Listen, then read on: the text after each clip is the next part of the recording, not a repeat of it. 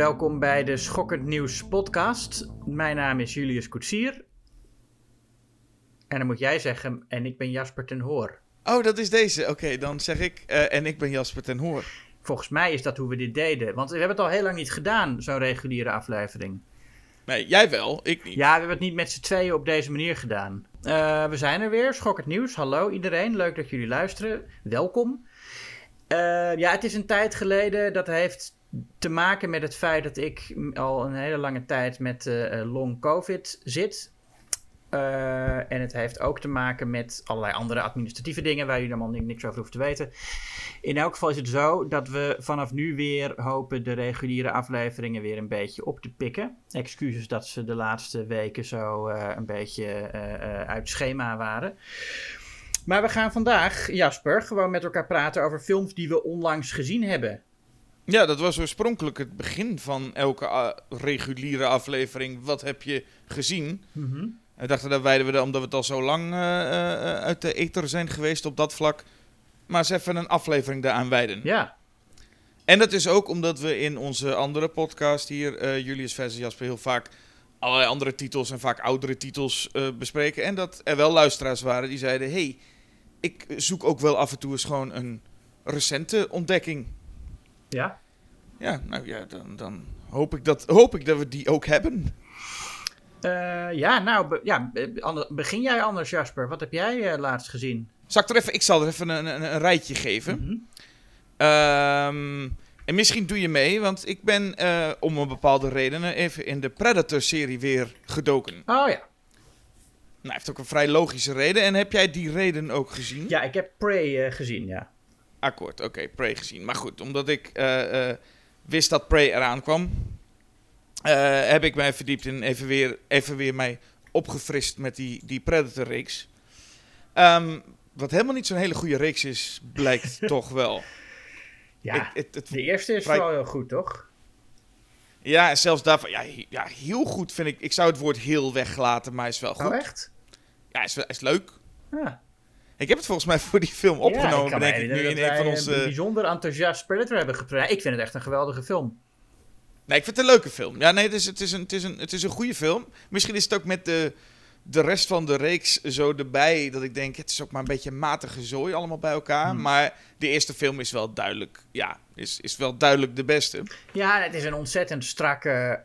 Ja, we, we hadden het volgens mij in die aflevering waar we Predator besproken hadden ook over dat het, een, het begint als een actiefilm, maar het is eigenlijk een slasher. Uh, met, met dan in plaats van domme tieners, uh, mariniers als slachtoffers, wat natuurlijk de spanning veel groter maakt. Je denkt van ja, Jason die kan allemaal domme tieners omleggen, nou dat kan ik ook. Ja. Maar de, deze gasten worden omgelegd door een serieus monster. Dus het is eigenlijk een, een soort slasher, maar dan on steroids. Dus vind ik altijd zo'n stomme uitdrukking, maar ja. Maar je hebt hem wel gebruikt. Ja, ik, omdat, omdat, omdat, ik, omdat ik sneller dacht dan ik kon spreken. Dus dan gaan er ja, dat, dan krijg je dat soort dingen. In, ja. en het is wel zo dat het inderdaad een soort nou, actieaflevering van spectaculaire aflevering van die A-team lijkt in het begin. En ineens wordt het een monsterfilm. Hmm. Uh, en dan blijf ik bij, dat hebben we in de, in die aflevering ook besproken. Het begint wel met een science fiction element. Ja. Met een ruimteschip ja. dat landt. En voor Prey, de, de, ik heb niet geteld, is dat de zesde, zevende? Ik weet niet welke je meetelt. Um, wilden ze eigenlijk ook zoiets gaan doen. Hm. Eigenlijk, of misschien nog wel meer dan, dan uh, wilden ze eigenlijk verbergen dat het een Predator film was. Wat ik een heel leuk idee vind eigenlijk. Gewoon het idee van uh, een, film uitbrengen, mensen gaan het kijken en komen er halverwege achter. Frek, dit is gewoon van een langlopende serie. Ja. Maar is niet gelukt. Het is ook best wel knap als dat lukt. Wat ik wel interessant vind is dat het, uh, de film gemaakt is door Dan Trachtenberg. Die dat ook weer heeft gedaan met uh, Ten Cloverfield Lane, zijn debuut. Wat ik een hele sterke film vind. Ja. En hij doet eigenlijk hier hetzelfde. Hè? Hij maakt iets heel kleins. Um, het voelt heel groot, maar het is eigenlijk heel klein en heel, heel, heel subtiel hoe hij dat aanpakt. Maar het is jammer dat het niet een, nou ja, een verrassing is geworden. Dat het eigenlijk een Predator film was. En ja, in principe, ik heb dus even die hele serie doorgelopen. Predator 2 dacht ik dat die best leuk was. Is eigenlijk echt een enorme rotzooi. Ja. Ik weet niet of je die nog enigszins nee, voor de geest... dat is te lang geleden. Ja, oké. Okay. Nou, ik had... Het is een broeierige stad en daar zit de Predator dan in. is eigenlijk de Jason Goes... eh, eh? Jason Jason, Takes Takes Manhattan, Manhattan. Maar dan gewoon voor de tweede film al. Ja. Eh, een heleboel rare dingen zitten erin. En, en, en, en het, het, het klinkt ook ergens wel geestig. Dat je hebt Gary Busey zitten in. En Bill Paxton is heel irritant aan het doen, de hele film. Ja. En Danny Glover is de vervanger van Arnold Schwarzenegger. Wat ook een bijzondere Oh. keuze is. Oh. Ehm, in de zin van, hé, hier is de actieheld Danny Glover. Ja. Ehm, die man is volgens mij altijd toch gepensioneerd, bijna gepensioneerd in zijn films. Ja, dat eh, zou je zeggen, ja. ja. Ja. Maar goed, en, en nou ja, toen kwam, je, kwam Predators. En die had ik echt nog nooit gezien. En ik weet niet of ken je die? Heb ik ook nog nooit gezien, nee. Nee. Het, het het is een her- her- herhaling van, Ah. van, van Predator met een hoop, eh, ja, hoop lui in de, in, de, in de jungle. Mhm. Die tegen een Predator moeten vechten.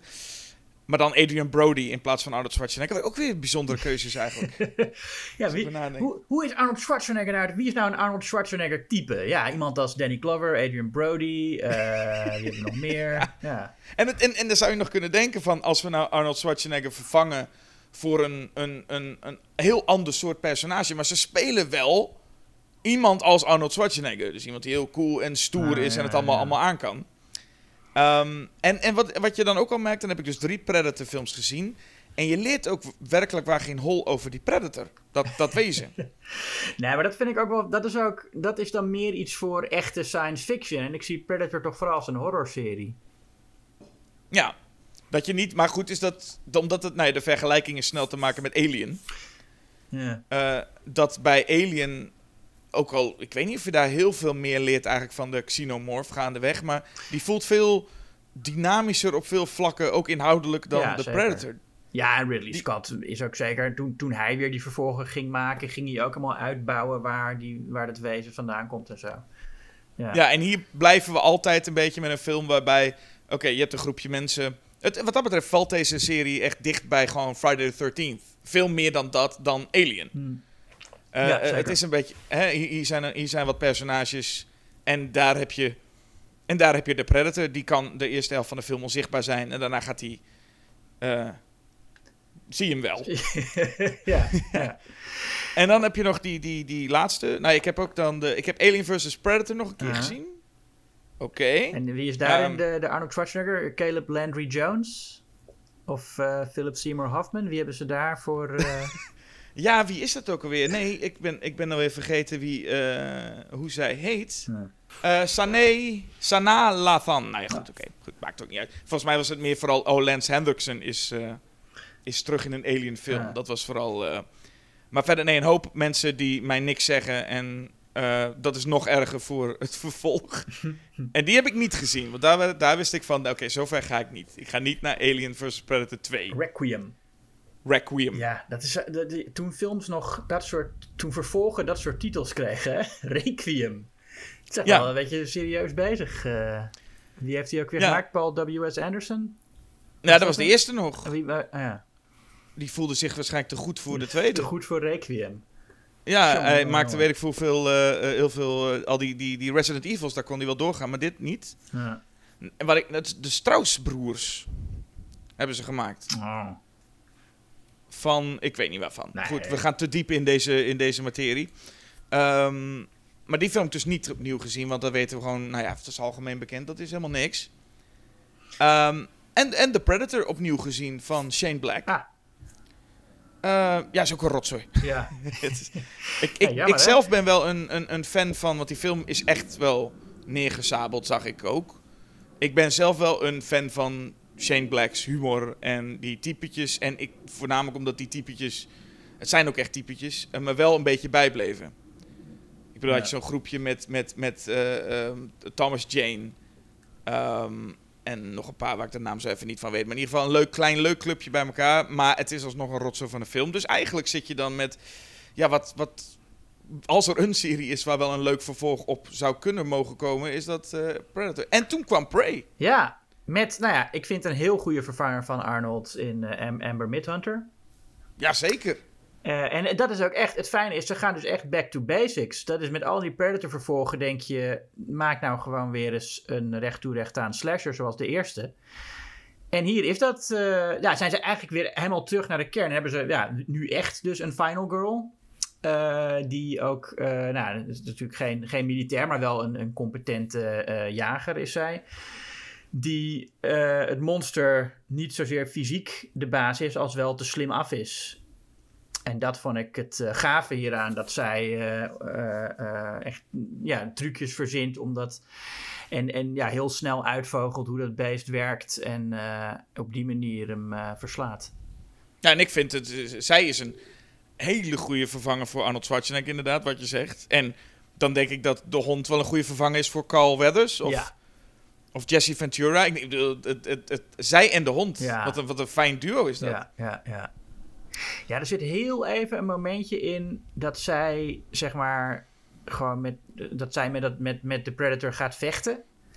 Mm En dat, duurt, dat is net, net iets te lang om geloofwaardig te zijn dat zij gewoon in, in een gevecht hem zo lang aan zou kunnen. Terwijl hij al die andere gasten die hij tegenkomt meteen in stukken hakt. Uh, zit hij met haar nog zeker een halve minuut of zo zitten ze met elkaar te vechten. Maar dat is eigenlijk het enige moment dat ik dacht: dit, wordt een beetje uh, te gortig. Want verder is ze gewoon uh, leuke vallen aan het zetten. Ja. Ja, en veel, veel wat dat betreft fijne ja, callbacks naar, naar de eerste Predator ook. Ze doet ook wat Schwarzenegger in die eerste film deed. Dingen ontdekken, slim daarop inspelen. Ja, zij heeft nou een, een soort um, kruid waardoor je lichaamstemperatuur heel erg daalt, zodat hij je niet kan zien. En dat, ja, dat is voor mij net zo geloofwaardig als dat, dat je modder over je heen doet en dat hij dan niet meer kan zien waar je bent. Ja. ja, en een, ik, wat ik heel geestig vond was de, de. Nou ja, dat komt dus puur omdat ik die films laatst nog weer zag dat, die, dat er een soort pistool in zit. En dat dat echt de pistool is uit Predator 2. Ja, oh ja. ja. Dus dan ben je zo'n film die het veel beter doet dan alle andere vervolgfilms. Maar toch een soort van zegt: hé, hey, al die films mogen er wel zijn. Ja. Is vrij bijzonder in deze tijd. Ja, dat, dat vervolgfilms niet, uh, niet volledig aan de kant worden geschoven. Maar wordt gezegd: jullie mogen er ook zijn. Ja. Jullie zijn weliswaar minder, maar jullie mogen er wel zijn. Ja, dat is ook lief van, uh, van, van meneer Trachtenberg. Nou, goed gedaan. Mm Proost daarop. Ja. Ehm, wat dan? Nou, dan moeten we het over een. Um, moeten we, we, moeten helemaal niks natuurlijk. Maar ik zit een beetje te kijken wat een wat, of er een goede thematische link is met uh, Prey. Ja, dit worden, dit, worden, dit worden de weermansbruggetjes in deze podcast van Heb ik jou daar? Ja, ja, ja. ja. Oh ja, nou, doe, doe ik een andere slasher. Uh, X. hey, oké. Okay. Uh, gezien? Gezien, ja. Ja, ik ben wel liefhebber van Ty West van House of the Devil en The Innkeepers. Ja, dit was mijn Ty West ontmaagding. Oh, oké. Ja, lekkere ja. slow burn uh, regisseur. Heel stijlvol, vind ik. heel veel gekke artistieke keuzes, vaak. Zeker in deze film. Um, maar toch ook een recht toe recht aan slasher. En dat vind ik leuk. Ik vind het leuk dat het, dat het een, een, echt een, een, film is met een duidelijke artistieke visie.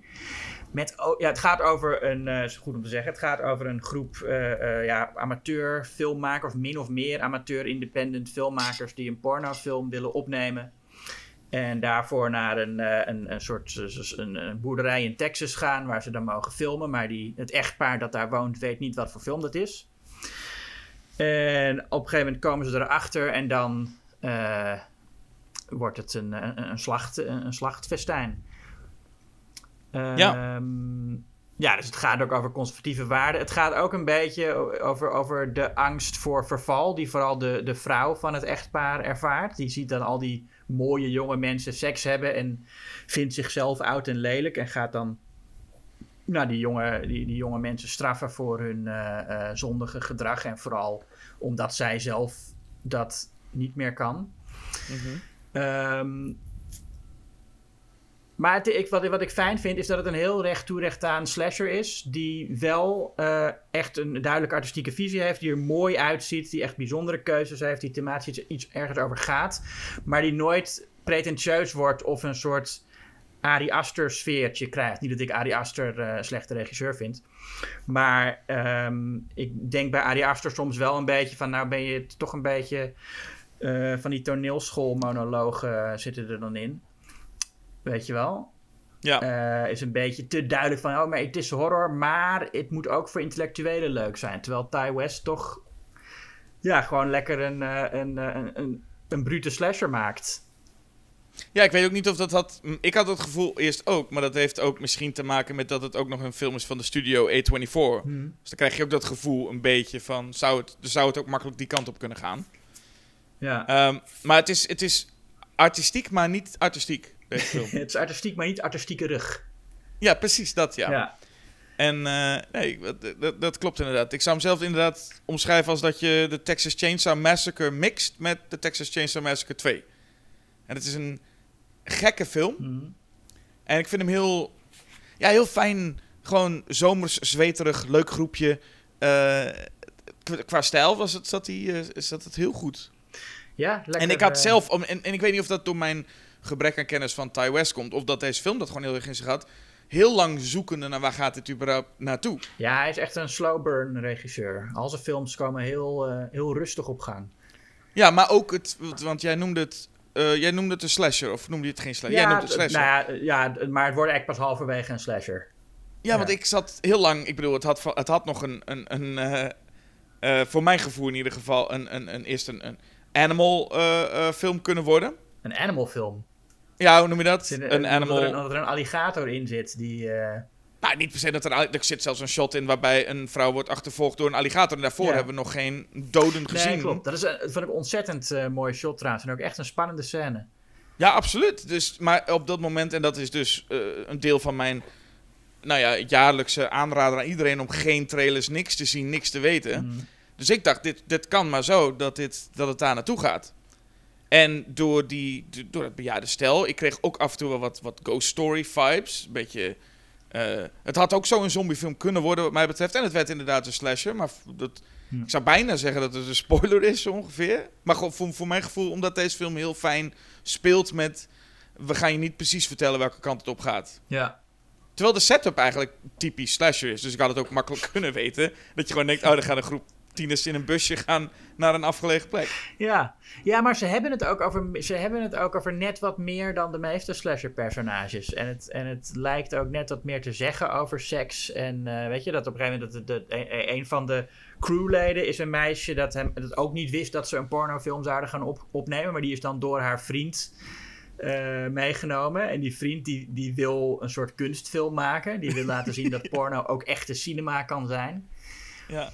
Uh, dus dat zit er allemaal wel in. En, uh, ja, elk personage is meteen. Uh, ik wist meteen wie wie is, wat ik al heel, heel goed vind. Ja. Of van mezelf, maar ook van de film dan. Ik complimenteer in dit geval de film erop. Maar dat het. Dat ieder, ik wist wie iedereen was. En van de acteurs wist ik, maar daar schrok ik wel van, wist ik wel wie Martin Henderson was. Maar ik had hem echt niet herkend. Hmm. En ik dacht aan het einde ineens, oh, want ik, ik kende Martin Henderson van bijvoorbeeld The Ring. Maar die kende ik een beetje als dat, dat die, die, die, die, mooie jongen, die Ferry Zemoji-achtige jongen. En ik vind dat hij hier zo'n grappige, leuke rol speelt. Ja. Ja, en, en Mia Goth is ook, uh, is ook erg goed hierin. Ja, en die speelt uh, nu, uh, of in ieder geval zag ik in een soort van vervolg, die ook dit jaar ja, dat, nog gemaakt is. Ja, Ty West heeft tegelijk met deze film een prequel opgenomen, stiekem, in het geheim. Heeft hij Ja. zo uh, gedaan. Uh, Pearl, inderdaad. Maar ik weet niet of Mia Goth daarin hetzelfde personage speelt. Ja, Mia Goth speelt daar Pearl. Of, niet, of je weet niet zeker of dat ook de Pearl is van uh, X. Wat me Maar wel is- zo lijkt natuurlijk. Zij heet, oh, zij heet ook Pearl in, in X, toch? Ja, Zij heet ook ja Pearl in nee, X, dan ja. zal het er zijn. Dan, ja, daar ga ik dan wel vanuit. Maar het feit dat je stiekem even snel tussendoor een film van 102 minuten schiet... Ja, Nou, vind ik, dat, ik, dat, maakt nieuwsgierig. ja. Maar goed, als, als, als uh, Ty eh, West, eh, nou ja, dat mijn eerste film was, jij zegt, eh, er zijn meer de moeite waard dus. Ik, eh, Ja, ik vind, ik vind House of the Devil en The Innkeepers allebei bijzondere moeite waard. Ja. nou, bij deze staat dat zeker genoteerd. Ehm, nou, X kunnen we even kijken wat daar nou een link mee is. Eh Het is heel saai voor de luisteraar natuurlijk. Om Eh, de link te zoeken. Ja, Nou, ik, maar- ik weet een hele simpele link. Laat ik even een hele simpele link doen. Ik weet niet of er veel te vertellen is, maar laten we dan even een stap nemen naar de echte Texas Chainsaw Massacre. oh ja. Want er was een nieuwe film, eh, genaamd Texas Chainsaw Massacre. Eh, en ja, daar valt niet heel veel over te zeggen. Eigenlijk is uiteindelijk de. de, de eh, ja, wat is het? Heb je hem gezien? Nee, Nee, ik, had, ik, wa- ik was er benieuwd naar, maar toen hoorde ik van iedereen dat hij weer moe was. Dus dacht ik, nou ja, dan... Dat is een beetje het grootste probleem. Je zit nu bijna dat je nog terug verlangt naar de Texas Chainsaw Massacre The Next Generation met Matthew McConaughey. ja. Dat, dat zijn films nog echt zo belachelijk, bizar, kloten en raar zijn dat, je, dat het ook interessant wordt. Ja, ja, Maar het is gewoon een beetje, ja, het, het, het, het bestaat. ja. En de, het hele feit dat dit weer een vervolg is, die weer probeert om ja, andere vervolgen maar een beetje weg te doen. En dan weer met zo'n titel ook. Dat, dat maakt het, nou ja, je, uiterst vermoeiend. ja. Wel. En ja, het is eigenlijk voornamelijk, het is een reboot sequel. En ik moet zeggen, en dat is, dat is wel, hij is inderdaad meh, maar dat betekent dat er wel ook wel leuke dingen in zitten. Maar eh, verder hoeven we het er niet per se heel veel over te hebben. En dat hij hoog gaat eindigen op eh, jaarlijstjes is eh, vrij klein. ja. Dus dan hebben we toch bij deze maar even benoemd dat er inderdaad ineens op Netflix een, een, een nieuwe, nieuwe Texas Chainsaw Massacre stond. ja. Dat is trouwens wel een ding, hè? Dat je nu... Hè, Texas Chainsaw Massacre stond ineens op Netflix, geloof ik. Was Netflix, toch? Ja. Ja, ja, ja. En, en, en Prey stond ineens zo op Disney+. Plus. Ah, ja. Het is een beetje de... de ja, nou ja, we, we- komen misschien nog zo bij de bij bioscoopfilms, maar dit eh, is allemaal van die streamingfilms. Ja, nou, ik, oh ja, nou, dan moeten we nu even over bioscoopfilms. En eh, dan heb ik ook meteen een mooie link met, eh, met, met X. Eh, RRR, RRR. ken je die? Wacht, is dat een bioscoopfilm? Nou ja, niet, eh, eh, niet hier, maar wel Oh, in India. En in, eh, Oh, ik en in Ik eh, dacht dat dat juist ook zo'n typische direct-to-Netflix film was. Nee, eh, nee, helemaal, nee. RRR is, is, is, de, is de grootste Indiaanse filmhit aller tijden. Oh, maar hier is Ja, hij... hier eh, is het een Netflix-ding. Ja, maar wereldwijd is het, is het een enorme hit. En eh, nou, in Amerika draait hij ook in de bioscopen. Of heeft Oh, hij daar wel? gedraaid? Ja, zeker. Nee, want in, in Amerika wonen natuurlijk ook heel veel mensen uit India. Dus daar was het ook een enorm ding. Ehm, ja, eh, voor mensen die het niet weten, dat is dus de, de film van de nieuwe film van S.S. Rajamouli. Die je misschien nog kunt kennen van Bahubali, die op Imagine gedraaid heeft. Die ook een enorme hit was in India en ook in Amerika, geloof ik, de top 10 meest bezochte films van het jaar eh, haalde dat jaar. Eh, film in twee delen was dat, dus eh, elk jaar een, een deel. En dit is, ja, RRR. Het is niet Bollywood, maar Tollywood. Tollywood is inmiddels voor mij wel groter dan Bollywood. Nou ja, die, die S.S. Rajamouli is een enorme ster, de regisseur in India. En eh, de twee hoofdrolspelers van deze film, N.T. Rama Rao Jr. en Ram Charan, zijn ook alle, allebei enorme sterren. En dit is de eerste keer dat zij met z'n tweeën samen in een film zitten. Omdat er nooit eerder een film was die hun allebei kon betalen. En de film heet dus RRR. En dat is ja, nu een afkorting voor eh, eh, eh, Roar, Rise, Revolt. En, in, in, de, in de verschillende Indiaanse talen waarin die is uitgebracht, is dat ook weer een afkorting voor iets anders. Maar eigenlijk heet die RRR vanwege Rajamouli, Rama Rao en Ram. Dus het is van, het zijn deze drie sterren zijn nu voor het eerst samen in deze film RRR. Dat is de reden dat die film zo heet. En in India snapt dus iedereen dat en is dat ook echt een enorm evenement dat deze drie voor het eerst samen werden. Daar, betekenen filmsterren nog iets. Ehm, je ziet ook, ik, ik weet, ja, het verhaal is dus, het gaat over twee werkelijk bestaande eh, revolutionairen die elkaar in het echt nooit ontmoet hebben. Eh, Alluri Sitama, Sitarama Raju en Komaram Beem. En eh, die hebben elkaar dus echt nooit ontmoet. Die, maar die waren zo in de jaren de 20 van de, of de ja, jaren 10, jaren 20 waren het revolutionairen in India. Die tegen het Britse regime eh, zich verzetten. En deze film stelt voor dat ze bevriend raakten met elkaar.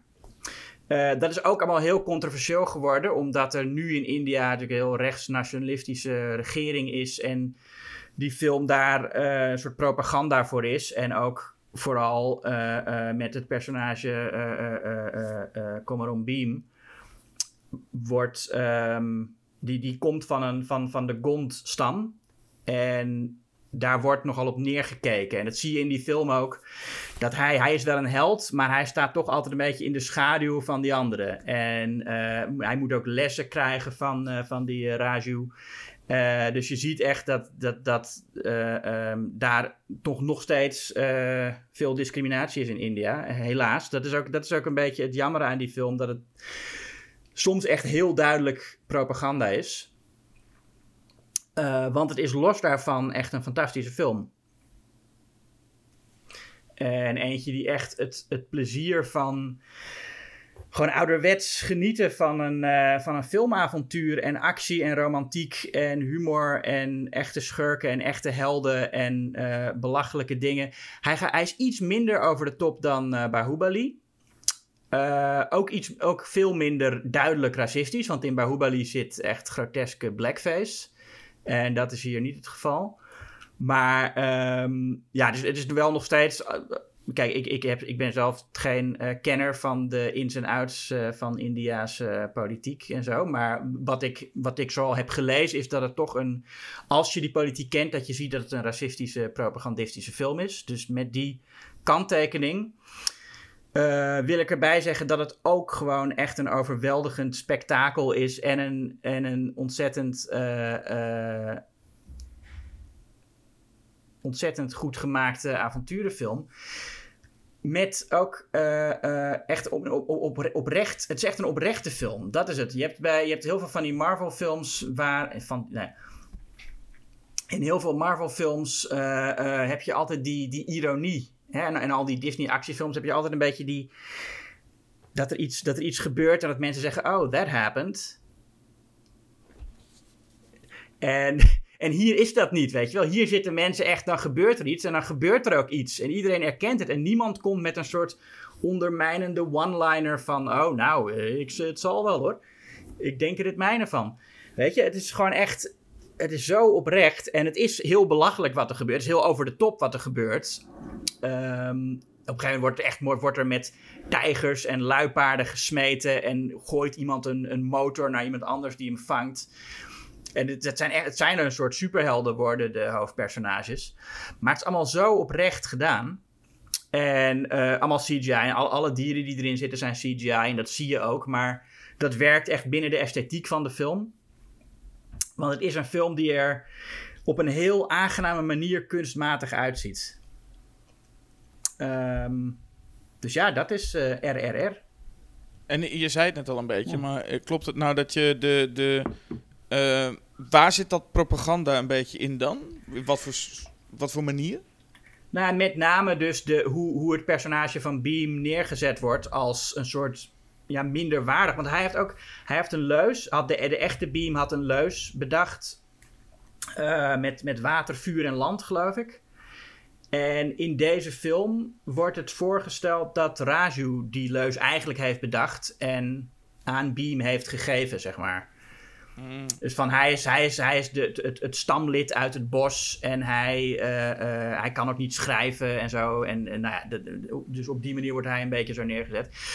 En verder, ja, er zijn ook een aantal Britten geweest die klagen dat het Britse regime te vreed neergezet wordt. Oké, oké. Ja, dat vind ik dan weer een beetje gezeur, want dat, ja, ik bedoel, dan moet je maar niet uh, die, die boel daar koloniseren als je niet als schurk wil neergezet worden in, uh, in actiefilms. Hadden ze toen over na moeten denken van er wordt een film gemaakt. ja, dat, dat kan slecht ja. voor ons aflopen, jongens. Ja, ja. ja. Nee, maar dat is, ik vind het, ja, die, die schurken zijn allemaal uh, echt belachelijk evil. En, maar dat, ja, dat vind ik ook. En, en, en de helden zijn allemaal belachelijk heldhaftig, weet je wel. Het is, het is echt een, een film van het grote gebaar. Ja, ik, ik ben uh, uh, mede door jouw speech extra geïnteresseerd. Ik heb onlangs deze op mijn kijklijst gezet van... Wil ik me nog eens in verdiepen. Maar niks van gezien. Hm. Dus een hoop hocus pocus wat je allemaal zei. Want ik kende, de, ik kende er niks van eigenlijk. Um, en ik wou hem inderdaad zien en ik zag wel drie uur. Ik denk, oh, daar moet ik wel even goed voor gaan zitten. Dus ja. het is niet, uh, niet een klein een klein ja, tussendoor. Het is, je bent op anderhalf uur en dan wordt er een, een luipaard naar een Brit gesmeten. En dan denk je van, uh, ja. en dan denk je van, goh, uh, je zou dan, ik wist natuurlijk dat die film zo lang was, maar eigenlijk je zou na anderhalf uur al kunnen denken, dit is de finale van de film en hierna is hij afgelopen. En dan heb je al een goede film gehad. Maar dan komt er dus hm. nog anderhalf uur van dat soort film aan. Ja, dat is ook gewoon fijn. Dat je inderdaad, na anderhalf uur kun je denken, je hebt een film gehad, maar het is ook fijn. En dan komt er nog anderhalf uur een fijne film. Ja. Nou ja, oké, we even een... Ik, ik, ik weet weer een bruggetje. Mhm. is minder leuk, maar je hebt het toch... eh, je hebt het, eh, het, het M-woord al genoemd. Dus eh, toch even over Marvel. Oh ja. Ehm, en ik, wil, ik wilde eigenlijk de, de rol opnemen die ik best wel een tijdje heb opgenomen. Doordat jij dan een beetje over Marvel gaat zeiken. En ik dan zeg, nou, nou, nou. hè, valt allemaal mee. Best leuk. Ehm, maar dit is toch wel ja, het jaar waarin ik ook mijn laatste hoop van Marvel heb opgegeven eigenlijk. Oh. Ja, dat, dat... En ik vind het echt vervelend. Want dat is niet omdat ik dat nou echt leuk vind. Ik bedoel, ik, ik, eh, ik genoot er met volle teugen van. Ja. En er wordt nu al vaker gezegd, en dat voelde ik zelf ook al een beetje, dat na Endgame het een beetje klaar was. Zo van, ach, mooie afsluiting en hier stoppen. En wat daarna komt, dan moeten ze wel hun best doen. Hm. Maar wat er nu allemaal voor content uitkomt rollen, is toch... Nou ja, ik, er zijn een paar projecten geweest. En juist die projecten die nu nog kwamen... Ja. Want van alle projecten die tot dusver geweest zijn na Endgame... was alleen WandaVision iets waar ik echt van dacht... dit is echt wel goed en leuk. Nou, ik moet zeggen, ik vond Spider-Man No Way Home eh, wel een van, de, een van de leukere Marvel-films. Die staat bij mij wel in de, in de bovenste helft. Ja, die was... Nou ja, ik vond hem wel leuk.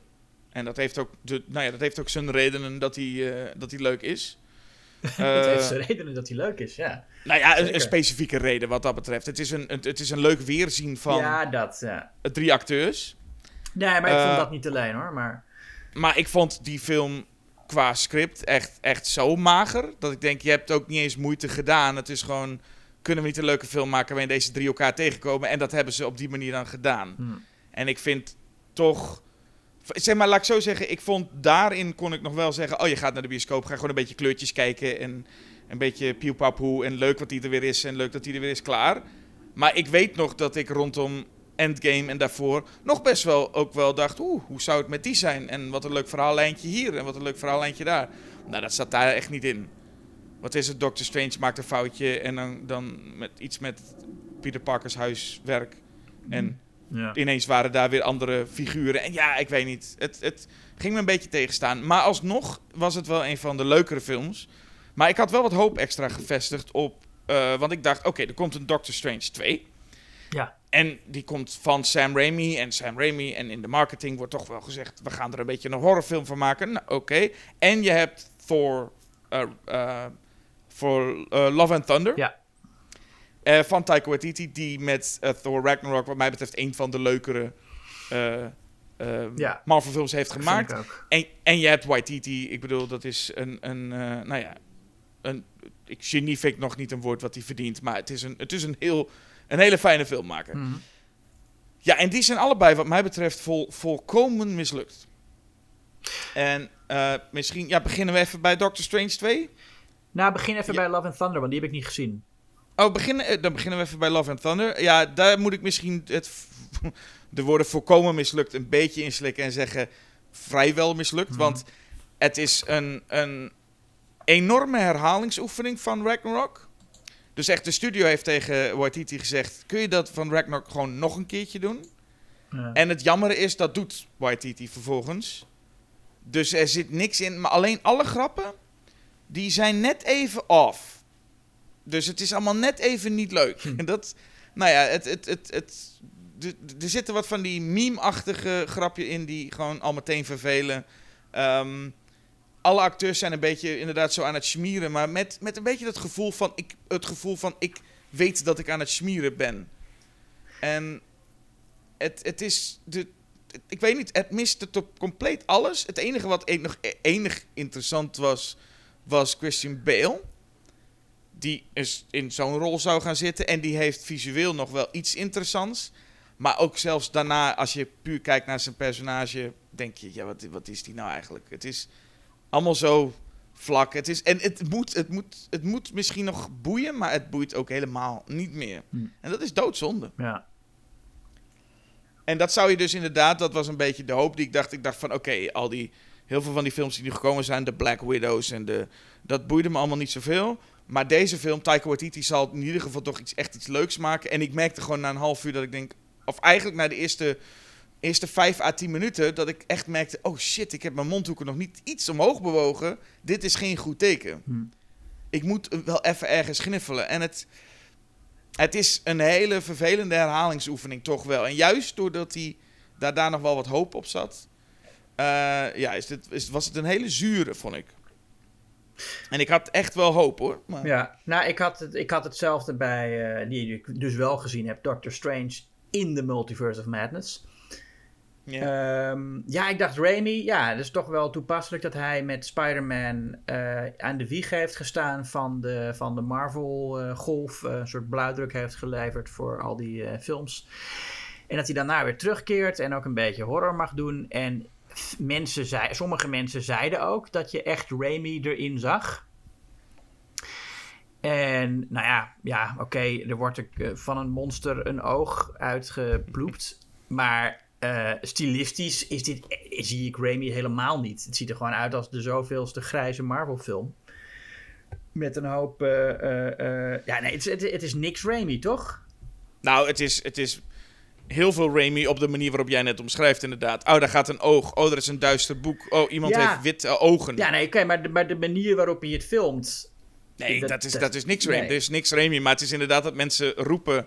Uh, oh, het is, het is lekker Raimi. Dat komt doordat hij gewoon heel veel... Um, verwijzingen naar zijn betere ver films doet. Precies, gewoon verwijzingen ja. naar Raimi.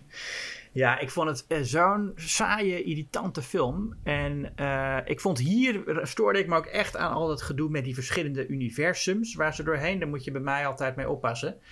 Uh, want ik denk, als er, als er zoveel universums zijn, ga ik op een gegeven moment denken van ja, maar wat, wat maakt het dan allemaal nog uit? En bij No Way Home vond ik dat nog wel werken. En uh, Spider-Man Into the Spider-Verse was ook geweldig. Mm -hmm. Maar als, als de film al niet zo goed is en dan komt hij ook nog met... en dan gaan we nu naar dat universum en dat gekke universum. En er zijn ook nog eens van die universums waar ze dan... Bijvoorbeeld eentje, daar hebben ze daar hebben ze pizzaballen. Pizza's zijn daar ballen. Oké, okay, ja. maar die noemen ze dan ook pizzaballen. Dus ze weten daar dat het raar is. Ze weten, dat, zijn niet, dat, zijn, dat noemen we geen pizza's, dat noemen we pizzaballen. Want wij zitten in dat gekke universum. Weet je wel? Ja. Dat, dat, dat soort gekke universums, daar kan ik niet goed tegen. Snap ik. ik. Het, is vooral, het is vooral dat je inderdaad, er zijn zoveel universums. En dan zit je dat te denken, waarom kijken we dan naar deze? Ja, ja dat, dat ook inderdaad. En, ik, en het is volgens mij is dat bij Marvel ooit begonnen uit een soort idee van, nou ja, we hebben nou al deze verhalen over dit personage verteld, maar we willen ook andere verhalen over Spider-Man. En we willen opnieuw de geboorte van, of de, de, de origin van Spider-Man laten zien.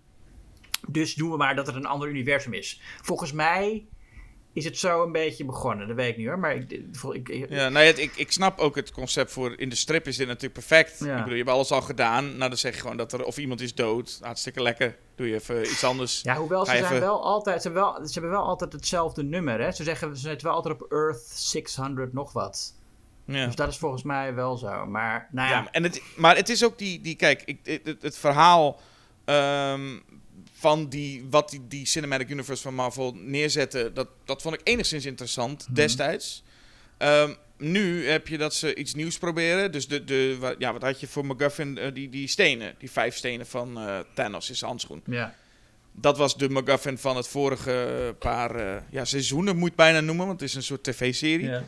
En nu is het die multiverses die in, als ik me niet vergis, Loki, de serie, ergens zijn aangekondigd. Hmm. Niks mee gedaan verder. Het is een beetje, er wordt iets over gezegd.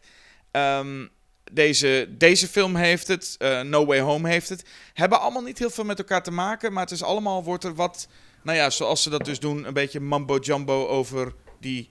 Uh, al die verschillende. En, en je hebt nu na zoveel films en series, dus Loki, uh, deze Doctor Strange, Spider-Man. Ik heb nog steeds geen flauw idee. Waar werkt het überhaupt naartoe? Werkt het überhaupt nog wel ergens naartoe? Want het is. En, en nou ja, als laatste vraag: vind ik dat überhaupt interessant? Dat laatste is dan nu nee, maar het, het voelt allemaal zo losstaand ook meer. Dat je denkt, als, als losstaande film werkt het niet meer, maar als deel van een serie werkt het eigenlijk ook niet meer. Nee. Nee, en ik vind dat um, Doctor Strange.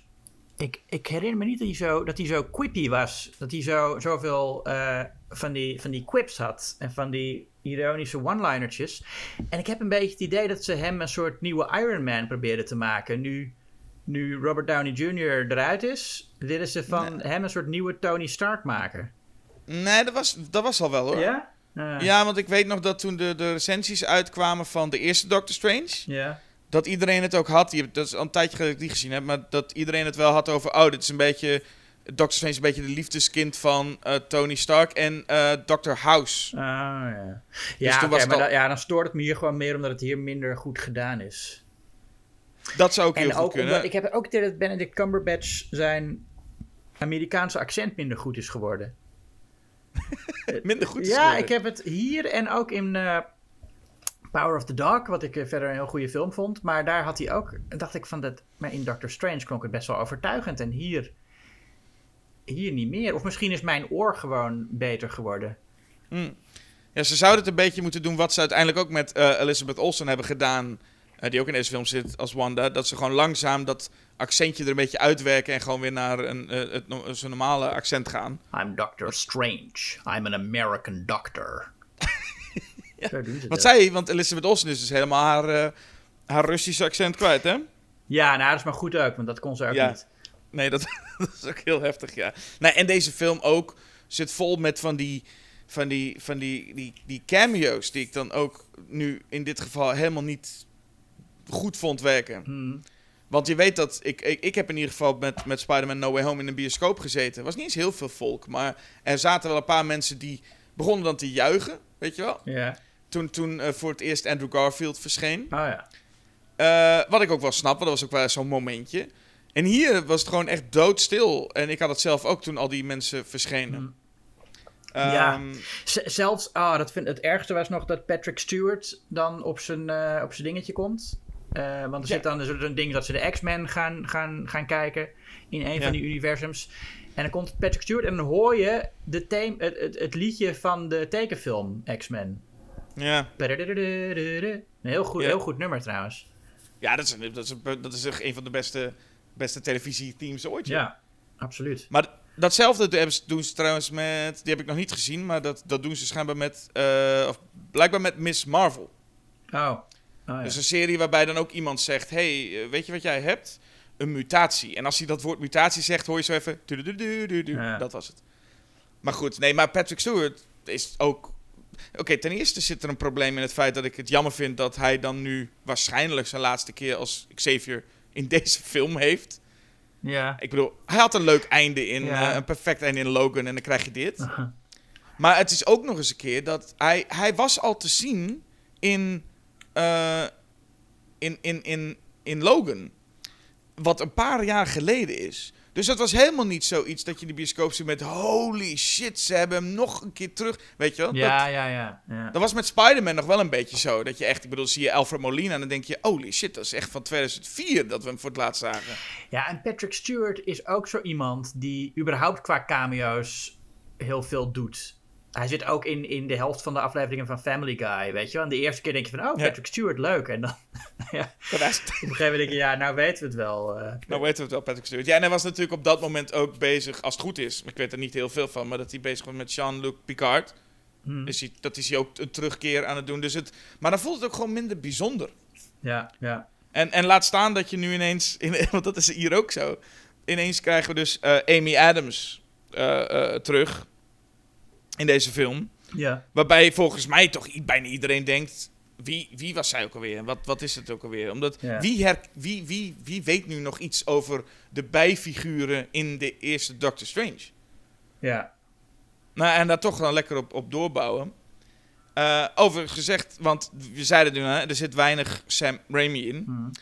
Ik kan me dat ook heel goed voorstellen, dat, want Sam Raimi is natuurlijk op het laatste moment ingevlogen. Ja. En dat is sowieso al iets. Het is geen Sam Raimi film, het is een film van Marvel. Die Scott Derrickson in eerste instantie mocht maken. En Sam Raimi is zo'n ingevlogen, bijna marketingtruc. Het voelt bijna een beetje ja. eh, eh, Toby Hooper die de Poltergeist maakt. Dat Spielberg zegt, jouw naam komt erop, maar eh, je hoeft niet zoveel te doen. Ik weet niet of dat. Ja, ik zit nog steeds. Ik vind het, ik vind het nog steeds een beetje oneerlijk richting Toby Hooper om, om, om dat te zeggen. Want. Ehm, het, is niet, het, het is niet oneerlijk, het is een, een groot, een groot het- waarschijnlijkheid is dat hij dat, dat, ja, dat maar zo dat gegaan je, ja, is. omdat, maar dat, dat, dat zeggen mensen omdat het, dat die film lijkt op een Spielberg-film. Maar dan is het. Nee, dat zeggen mensen omdat alle acteurs zeggen, of heel veel acteurs zeggen, ik ben voornamelijk aangestuurd door Spielberg Ja. en Toby Hooper zat erbij. Oké. En ik bedoel, ik, vind, Nou ja, ik vind het een perfecte mix van Hooper en Spielberg. Ja. Maar het, het, het, het verhaal, het idee van een maker komt daaraan en zegt: Ik ga hem helemaal mijn eigen ding doen. Want ook als je gewoon de stijl van Toby Hooper bekijkt. Het is niet een Toby Hooper film. En in dit geval denk je ook, als je puur kijkt naar wat had Sam Raimi alles voor te zeggen? Nee. Dat geldt, dat is, dat Nee. is, dat is iets wat je, wat je bij elke televisieserie kan zeggen, toch? Van elke televisieserie, een regisseur, heeft hij heel veel voor het zeggen wat betreft stijl en nee, helemaal niks. Nee. nee. En dat voelt hier ook. Hier voelt het als, als, als Sam Raimi komt even aan. Nou, jij mag even tegen die acteur zeggen dat hij daar moet gaan staan. Sam Raimi doet dat. Nou, hoppakee. We hebben de man van Spider-Man, de man van Evil Dead aan boord. Maar hij heeft er volgens mij weinig mee te maken. Kan ik nu wel zeggen. Heeft, hij- volgens mij heeft hij er weinig mee te doen Hij gehad. heeft die Bruce Campbell scène waarschijnlijk eh, een vinger in de pap gehad. Maar eh, ja. Ja, dat mocht hij beslissen. En dan mocht hij af en toe wat van die kleine Sam Raimi dingetjes erin gooien. Maar verder, het, het voelt totaal niet als inderdaad een Sam Raimi film. Nee. En ik, ja, nou ja, ik weet niet of dat een brug is die we moeten maken. Maar ik vond dat Scott Derrickson de juiste keuze heeft gemaakt hier. Want die kwam ongeveer gelijktijdig met een film in de bioscoop. Ah, ja, The Black Phone. The Black Kijk, Phone. daar ga je. Ja. Dat, dat, dat was een goede brug, Ja. hè? Heel goed. Jong, jong. Ik ging zeggen, Heb- weet je wat ook helemaal niet als een Sam Raimi film voelt?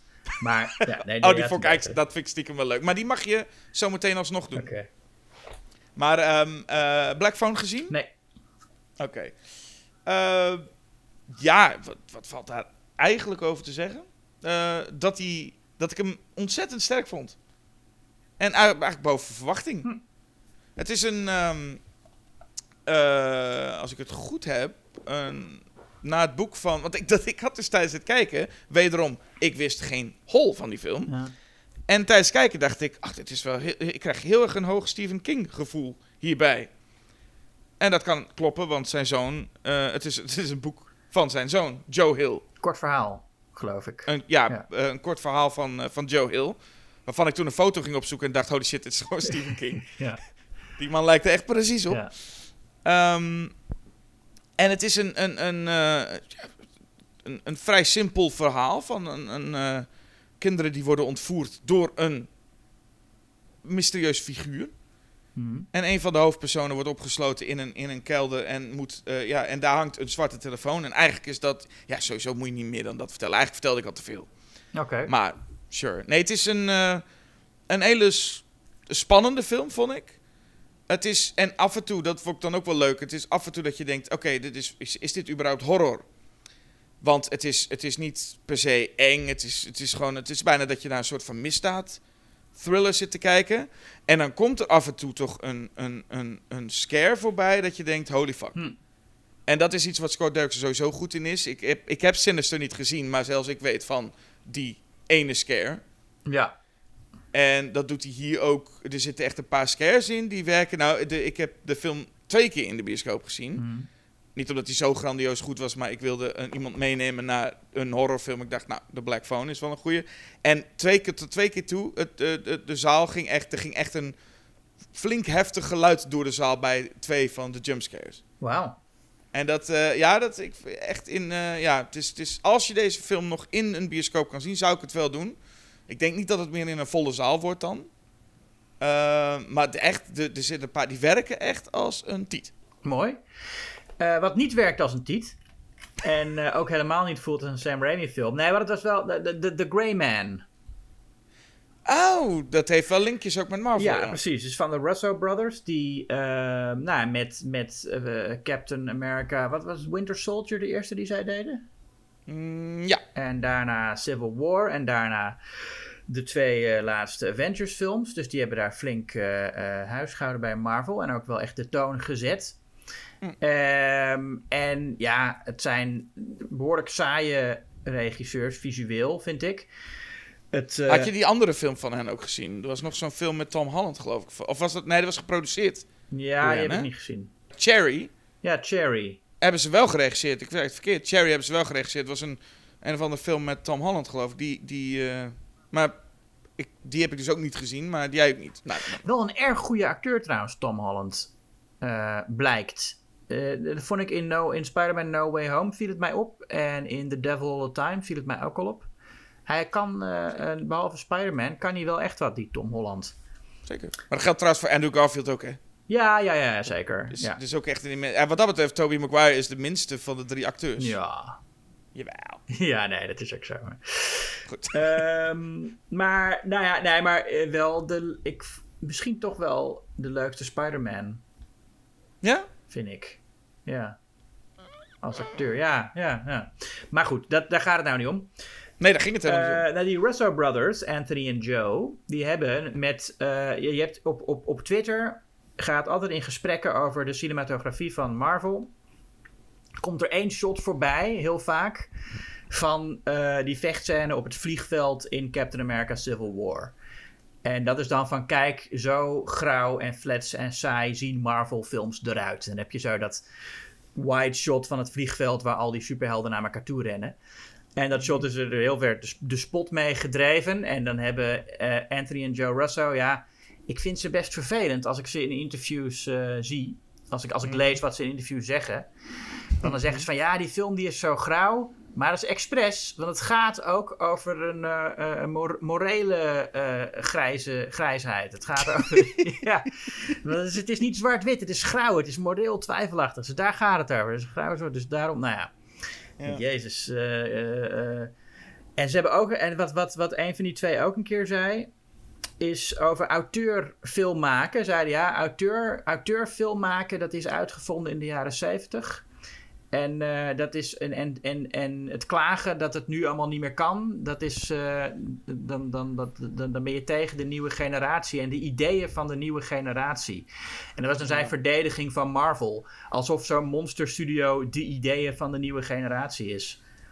Ja, maar eh, oké, maar ik wil even zeggen, ik, wil, ik, ik snap dit, het is, het is natuurlijk te bespottelijk voor woorden. Ja.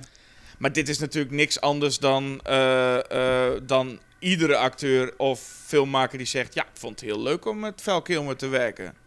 Het is Ja, over, nou ja. over, over, over 20 jaar Mhm. gaan deze Russo Brothers op een speciale documentaire over Marvel wel zeggen... Godverdomme, mocht er geen kleur gebruiken van die lullen daar. maar dat mag je nu natuurlijk, zeg je dat nu nog niet. Ja, maar dat, maar dat je dan zegt auteurfilm... De, het auteurfilm maken is bedacht in de jaren zeventig. Dat is toch een bizarre stelling? Nee, oké, Want het sure. is zo, kijk, de, de, er zijn vast luisteraars die dat niet weten. De auteurstheorie is in de jaren 40 ontwikkeld in Cahiers du Cinéma, een Frans filmtijdschrift. En het idee daarvan was dat elke goede regisseur een auteur is. Dat wil zeggen via film een eigen artistieke visie uit. En dat juist ook in publieksfilms en entertainment het ook mogelijk is om dat te doen. En eh, Alfred Hitchcock was toen een heel beroemd voorbeeld van een auteur. Van iemand die in een, in een oeuvre van eh, heel populaire films een heel duidelijke artistieke visie heeft. En de Russo Brothers zijn een voorbeeld van twee auteurs die dat dus helemaal niet hebben. In, naar mijn Nee. mening. Die, en, en The Grey Man is daar dus, wat mij betreft, ook een goed voorbeeld van. Dat is dan hun, eh, eh, hun grote actiefilm die ze doen, niet voor Marvel. Is ook gewoon zo'n grijze, grauwe Marvel-film. Eh, Ja, want even, even- nog even kort terugkomen over Civil War dan. Zo'n film van hen. Waarbij ik denk dat veel credits ook moeten gaan naar de twee scenaristen Marcus en McFeely. mhm. Die volgens mij heel veel kleur in het script hebben gestopt. Want al die personages bij elkaar eh, is heel leuk. Ja. De manier hoe zij Spider-Man er weer inwerken. Hoe Ant-Man is, Giant Man wordt. Dat werkt allemaal hartstikke goed. Ik vind het ook Alleen- een leuke film hoor, Civil War. Hij is alleen En- lelijk. Nee, en ik bedoel, en ik vind dat het ook richting eh, eh, de Russo Brothers, wat ik merk, is dat zij best wel oké zijn om CGI-actie Hmm. toch enigszins ehm, overzichtelijk te maken. Wat ik al heel, nou ja, en het, ik weet het, de lat ligt laag. Ja. Als ik zeg dat dat al heel wat is, dat ze het in ieder geval overzichtelijk maken. Ik weet waar ik naar kijk. Maar inderdaad, wat betreft kleur en zo en, en, en eh, uit, uitdagende mooie shots, daar, daar, dat, lijkt, dat lijkt alsof dat gewoon ook niet mag. Dat, is, dat staat in het stijlboek van, van, van Marvel, daar moet je Nee. gewoon je aan houden. Nee, en, Gok ik. ja, nee, weet je, ik, ik wil ze wel een compliment geven, want ehm, het zijn sitcom-regisseurs. En dat zeg ik deels omdat ik ze daar hun Marvel-films hebben, vind ik best wel geslaagde humor. En uh, zien er ook cinematografisch uit als sitcoms. Maar ze zijn ook echt bij sitcoms begonnen. Ze zijn begonnen bij Arrested Development en Community. En um, bij Community hebben ze trouwens betere actiescènes gedaan dan bij Marvel. Want ze hebben heel veel van die paint. Ik weet niet of je Community kent, maar daar zit er altijd in elk seizoen zit een, een paintball aflevering. Ja. Die dan een parodie is op een subgenre binnen de actiefilms. Dus eentje is een, is een spaghetti western en eentje is een, is een sci-fi film en eentje is een soort post-apocalyptisch uh, ding. Maar er zitten altijd wel, wel goede, voor een sitcom wel goede actiescènes in. Dat is wel grappig dat je dat zegt. Ik moest denken, toen ik, net toen ik Black Widow had gezien, mhm. die, die, die film, mhm. was net toen ik ook de, de uh, volgens mij was het de prequel-serie van Wet Hot American Summer zag mhm. op Netflix. En toen ook echt zoiets had van... Wow, de actiescènes in deze, deze Netflix-sitcom zijn zoveel toffer. De gevechtscènes zijn zoveel beter dan in Black Widow. Oh, Zo'n film van 200 miljoen. Geweldige serie is dat ook, hè? Ja, heerlijk, heerlijk. Nou. Uh, maar goed, de, de, de Russo Brothers dus. Ja, die hadden gewoon sitcoms moeten blijven doen. Want The Grey Man is ook, ja... Het is Ryan Gosling als een soort John Wick-type. Eh, een, een, een, een, een voormalig CIA-agent die dan de superkiller is, die, uh, uh, en, die in deze film opgejaagd wordt omdat hij een McGuffin heeft. En ik vind ten eerste, ik geloof Ryan Gosling niet. Ik, er, er zijn heel veel dingen die Ryan Gosling beter kan dan Keanu Reeves. Maar er is één ding wat Keanu Reeves beter kan dan Ryan Gosling. En dat is dit. Keanu Reeves zijn. Ja, en, ja, en gewoon echt die, die, die, die harde, brute uh, killer spelen. Die, die, die, als ik Ryan Gosling zie, denk ik... Ja, je geeft hem één stop op zijn bek en hij, en hij ligt. Het is gewoon een, een, een, een Gosling. Een ganzenkuiken. Ja. Um, en dat is, ja, dat is, dat is natuurlijk een beetje zijn uitstraling. Maar hij, ja, hij speelt dat ook. Hij speelt dat niet goed. Echt niet.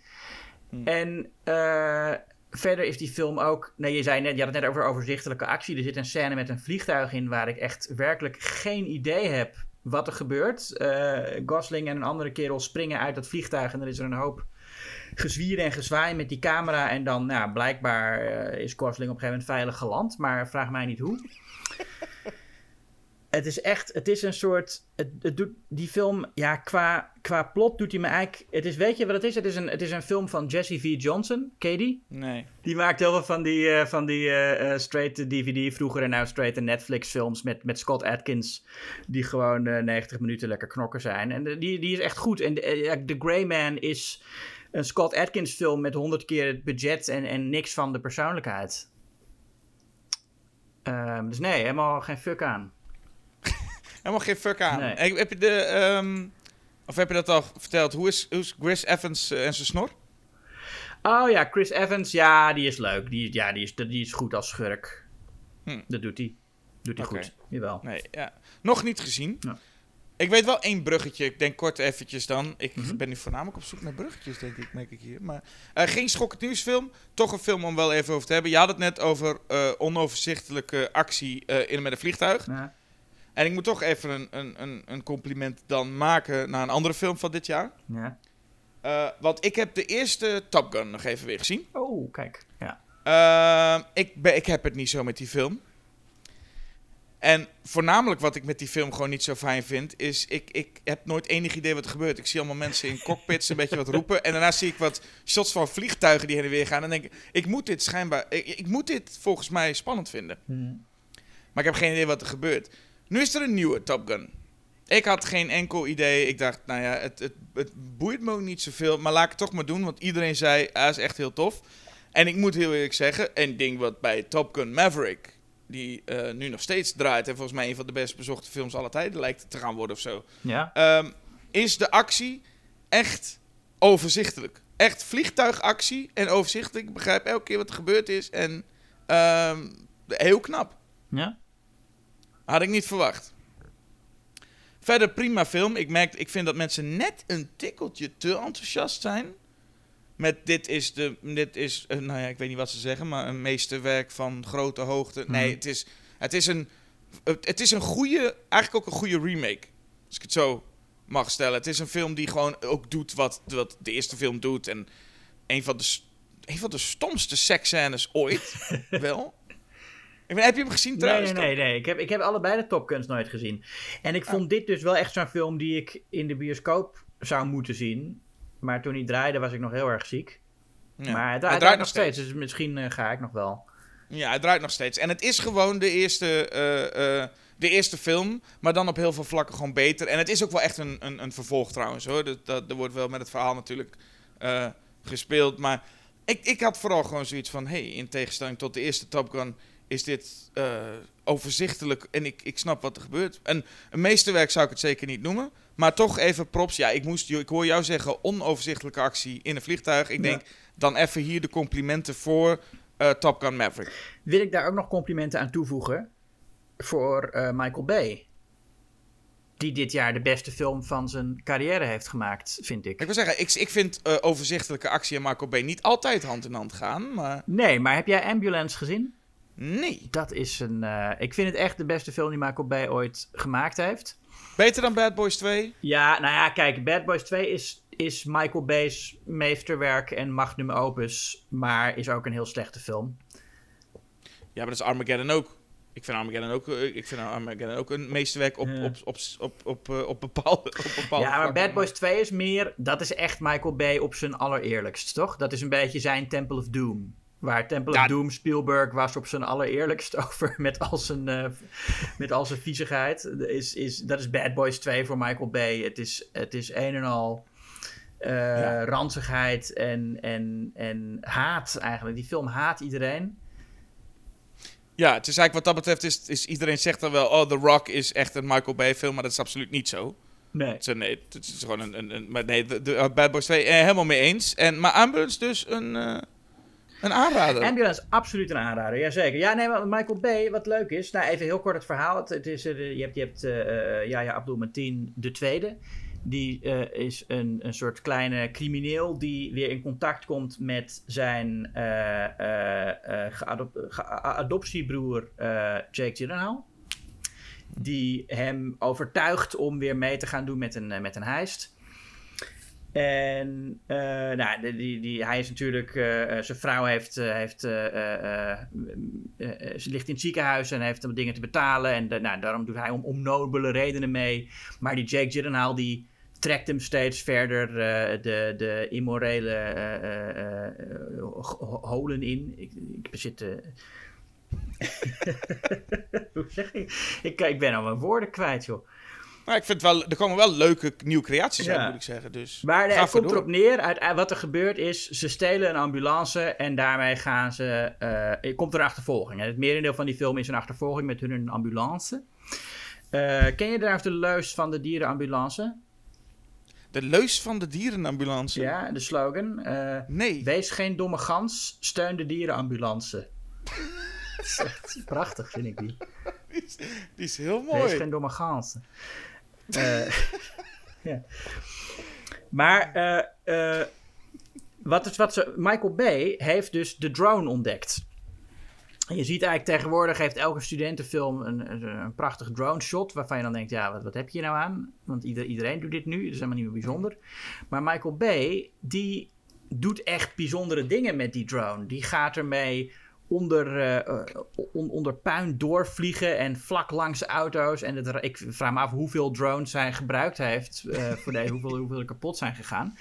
Maar het is echt weer, je ziet weer echt een filmmaker die een nieuw speeltje heeft en er heel blij mee is. En dat doet ook zijn actiescènes echt goed. Het zit echt heel goede actiescènes in. En ook nog echt een mooi, ja, echt zo'n zo'n typisch. Nou, ja, ze zijn adoptiebroers, hè, die, de, de, de twee gasten. En eh, de een is, eh, is, is, is veel meer een crimineel dan de ander, maar ze blijven broers. En dat, nou ja, dat, dat, dat, dat soort macho, eh, buddy-achtige relatie, dat, dat zit, er ook echt, is echt, zit er ook echt gewoon goed in. Hm. Het is een remake trouwens. Daarom had Michael Bay natuurlijk ook een heel goed script bij deze film. Het is sowieso het beste script waarmee hij ooit gewerkt heeft. Ehm, en ik, het is een remake. Ik ga even de titel van de remake opzoeken. Terwijl jij eh, even gewoon andere dingen zegt. Ja, nou, eh, ik, ik, ik zit nog steeds met die leus van, eh, van, van de dierenambulance in mijn hoofd. Wel- ik, ik vind hem erg leuk. Ehm, en ondertussen ga ik alvast zoeken naar... Want ik heb Ambulance niet gezien, dus ik ga alvast zoeken naar een, het beste bruggetje ooit naar de volgende film waar ik het over wil hebben. Ah, Maar inmiddels heb jij wel... hier, het is een remake van een Deense film uit 2005, die ook Ambulance heet. Maar eh, bij Michael Bay's versie zijn, op de poster staat Ambu en dan LA in het geel en dan ns. Dus Ambu LA'ns is het. Eh, en het is ook echt een mooie LA-film. Je ziet de stad eh, LA. ehm, ja, niet, niet zozeer als een mooie stad om, om in te zijn, zeg maar. Het is niet dat je denkt van, oh, daar wil ik heen. Maar het is wel een film die heel karakteristiek die stad laat zien. En en het is een film die zich die niet... Het is net als Collateral eigenlijk. Ook een film die ik laatst eh, eh, eh, toevallig voor het eerst zag. Met Tom Cruise Ja. als die huurmoordenaar. Een film die zich echt alleen maar in L.A. kan afspelen. En het- een, heel, een, heel, een, heel, een heel koude stad wordt het daar. Nou, ik, ik, ik ga hem kijken. Ja, zou ik doen. Wat fijn. Ik vind het fijn dat Michael Bay even genoemd is. Ja, niet verwacht hè? Nee, niet verwacht, maar wel leuk. Wat, eh, wat, Ehm, wat, wat nu? Ik heb nog één bruggetje, maar het is een beetje zo'n zo'n zo'n Six Degrees of Kevin Bacon bruggetje. Mhm. Maar je had het net over dus eh, Abdul Mateen II. Mhm. Ehm, die speelde in Us. Jordan Peele. Ja, Nope. Nope. Ja, Ja, dat is wel de film waar ik het meest naar uitkeek eh, eh, voor dit jaar, denk ik. Was dat voor jou ook zo? Ja, nou, e- e- één van de. Één van de. Ik heb ook nog een paar andere waar ik erg naar uitkeek, die ik ook straks ga bespreken. Maar Nope was wel, eh, ja, zeker. En kijk wat er bij, Jo- bij Jordan Peele natuurlijk nu aan de hand is. Eh, je hebt dus Get Out gemaakt, je eerste film. Dan komt die tweede, Ah. die meestal maar tegen kan vallen. En oeh, wat gaat hij doen met zijn tweede? Dan maakt hij Us. Ja. Dan denkt iedereen toch, hè, van, nou ja, je kunt het vergelijken met Get Out. De een vindt hem iets sterker, de ander vindt hem juist minder sterk. Maar Mhm. het blijft twee goede films op je naam. Dan denk je toch, wat gaat deze man doen met zijn derde film?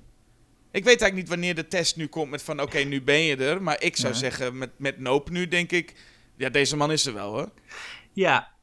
Ja, vind ik ook. Ja, ik, het, eh, wat mijn, het probleem dat heel veel mensen hadden met Us, en ik ook, was dat die film voor mij toch een beetje te veel hooi op de vork nam. En dat het allemaal een beetje eh, sowieso te uitleggerig werd richting het einde. Dat er echt soms die uitlegmonoloogjes in zaten. Maar dat er ook gewoon het idee had dat hij zo al zijn ideeën... Had dan Get Out gemaakt met één heel sterk idee. En dat is een hit. En dan dacht hij, oké, dan ga ik nu al mijn andere ideeën in één film stoppen. En- Voor wie weet is dit, eh, is dit de laatste film die ik ook mag ja, maken. nee, dus- precies. Dus daar, daarom vond ik Us toch eh, een stuk minder sterk dan Get Out.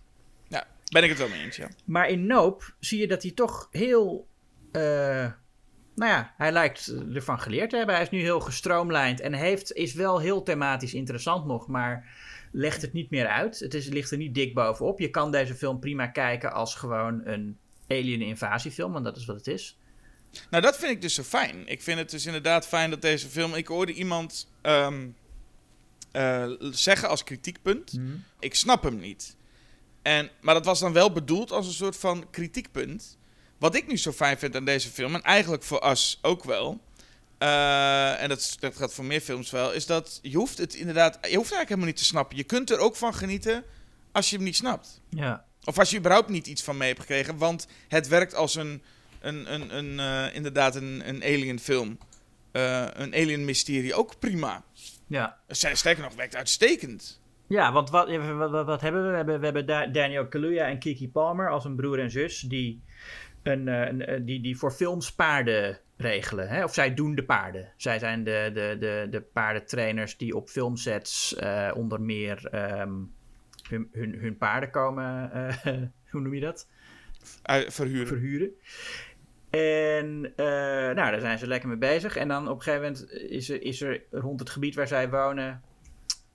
Nou, ik, we zullen niet te veel verklappen, mocht je hem nog moeten zien. Maar een, zijn er UFO-waarnemingen, laten we dat maar eh, zeggen. En ehm, die UFO-waarnemingen beginnen een beetje traditioneel. Maar zonder iets te verklappen wil ik wel zeggen dat hier een van de beste. ehm, origine- een van de meest originele ideeën over hoe een buitenaards wezen functioneert en eruit ziet. Absoluut. Absoluut. Dat is zeker waar. Eh, je hoort de Neil deGrasse Tyson, die klaagt er altijd over dat aliens altijd een soort mensachtige wezens zijn. Terwijl je hebt op aarde al zoveel variatie in hoe dieren eruit zien. Het zal in het heelal nog veel meer zijn. Dit zal een film zijn die hem, denk ik, op dat gebied kan bekoren. Hij zal er verder natuurlijk ook wel heel wat over te zeiken hebben. Uh, Was hij, hij, hij, hij, had ook gezegd dat waarschijnlijk een van de meest uh, waarschijnlijke dingen hoe een alien eruit te zien was de blob. Nou, hij zei dat hij dat een mooi voorbeeld vond van een ander idee voor een, uh, voor een alien, ja. Oh ja, ja. Nee, precies. Nee, ja, goed. In dit geval ook. En ja, wat jij vertelt, uh, omdat ik ben zeker bij deze film misschien nog wat meest van mening dat je niks moet weten. Mm. Uh, wat leuk is, want ik heb het dus, ik moest dus heel vaak naar de bioscoop en mijn oren en mijn ogen dicht doen bij, bij deze film. Bij deze trailer kwam heel veel voorbij. en ik dacht, bij, vooral bij deze film wil ik niks horen en zien. Ja. Uh, dus ik moet zeggen, je ziet er altijd een beetje raar uit als je dat dan doet. Dat je zo met je oren dicht gaat zitten en. en, en, en uh, maar ik wist dus niet meer dan dat ik een poster zag die een beetje blauw was met een straaltjes slingers. Oh ja. Ja. En dat, dat, ja, dat werkt echt als. Want het enige wat ik bij jou nog kan uh, toevoegen aan het hele verhaal was. En iets met een aap. Ja, een chimpansee. ja. Ja, en het werkt, en het werkt allemaal zo goed. Het is zo. Het is, het is enorm komisch. Echt dat, mhm. je, dat je denkt, het is, sommige dingen zijn enorm echt grappig. En tegelijkertijd, sommige dingen zijn zo uh, spannend. Ja. En, en, en goed gedaan. Ik, ik, ik kreeg, nou ja, raar vergelijken misschien, maar ik kreeg heel erg een Barton Fink gevoel bij deze film. Ja, ik had ook soms dacht ik even aan de Coen Brothers. En vooral omdat um, er soms van die zijweggetjes in zitten. Met name dat, dat met die aap. En het begint met een. Nou ja, er is een sitcom, dat mogen we ook wel vertellen. Een van de personages heeft als kind in een sitcom gespeeld met een chimpansee. En dat lijkt een soort, een soort zijweggetje dat helemaal nergens naartoe gaat. Zoals de Coen Brothers ook wel eens in hun films hebben. Ja. Maar uh, uiteindelijk is het wel de. Nou, het is voor de plot ook niet echt relevant. Maar het is wel thematisch uh, relevant dat de film gaat over wat je vastlegt op film. En, of, hè, en, en, en hoe datgene wat je vastlegt reageert op vastgelegd worden op film. Dat is eigenlijk waar de hele film over gaat. Ja, en dat is inderdaad het, het, het grappige. als je deze film kijkt en je denkt inderdaad, wat ik me best voor kan stellen, dat je deze film gezien hebt en dat je denkt, wat de fuck was er nou met die aap eigenlijk? Hmm. Dat denk je dan. Hmm. Maar dat je kan zeggen van ja, wat slecht eigenlijk, want ik snapte niet wat dat met elkaar te maken had. Maar dat je eigenlijk vooral moet zeggen en kan zeggen, geen idee, maar holy shit, wat was dat goed en intrigerend en spannend. Ja. Ja, ontzettend spannend ook inderdaad. Ook, uh, hey, twee scènes dit jaar waarin een personage door een dier benaderd wordt. En dat, alleen maar dat. En dat het super spannend is. In deze film en in X. Ja, precies. Nee. Heel goed, ja. Um, het is ook een ontzettend mooie film om te zien, zeg. Hoyte van Hoytema. Onze eigen Hoyte uit uh, Friesland. Die uh, uh, met Christopher Nolan heel veel gedaan heeft. Zit hier, nou ja.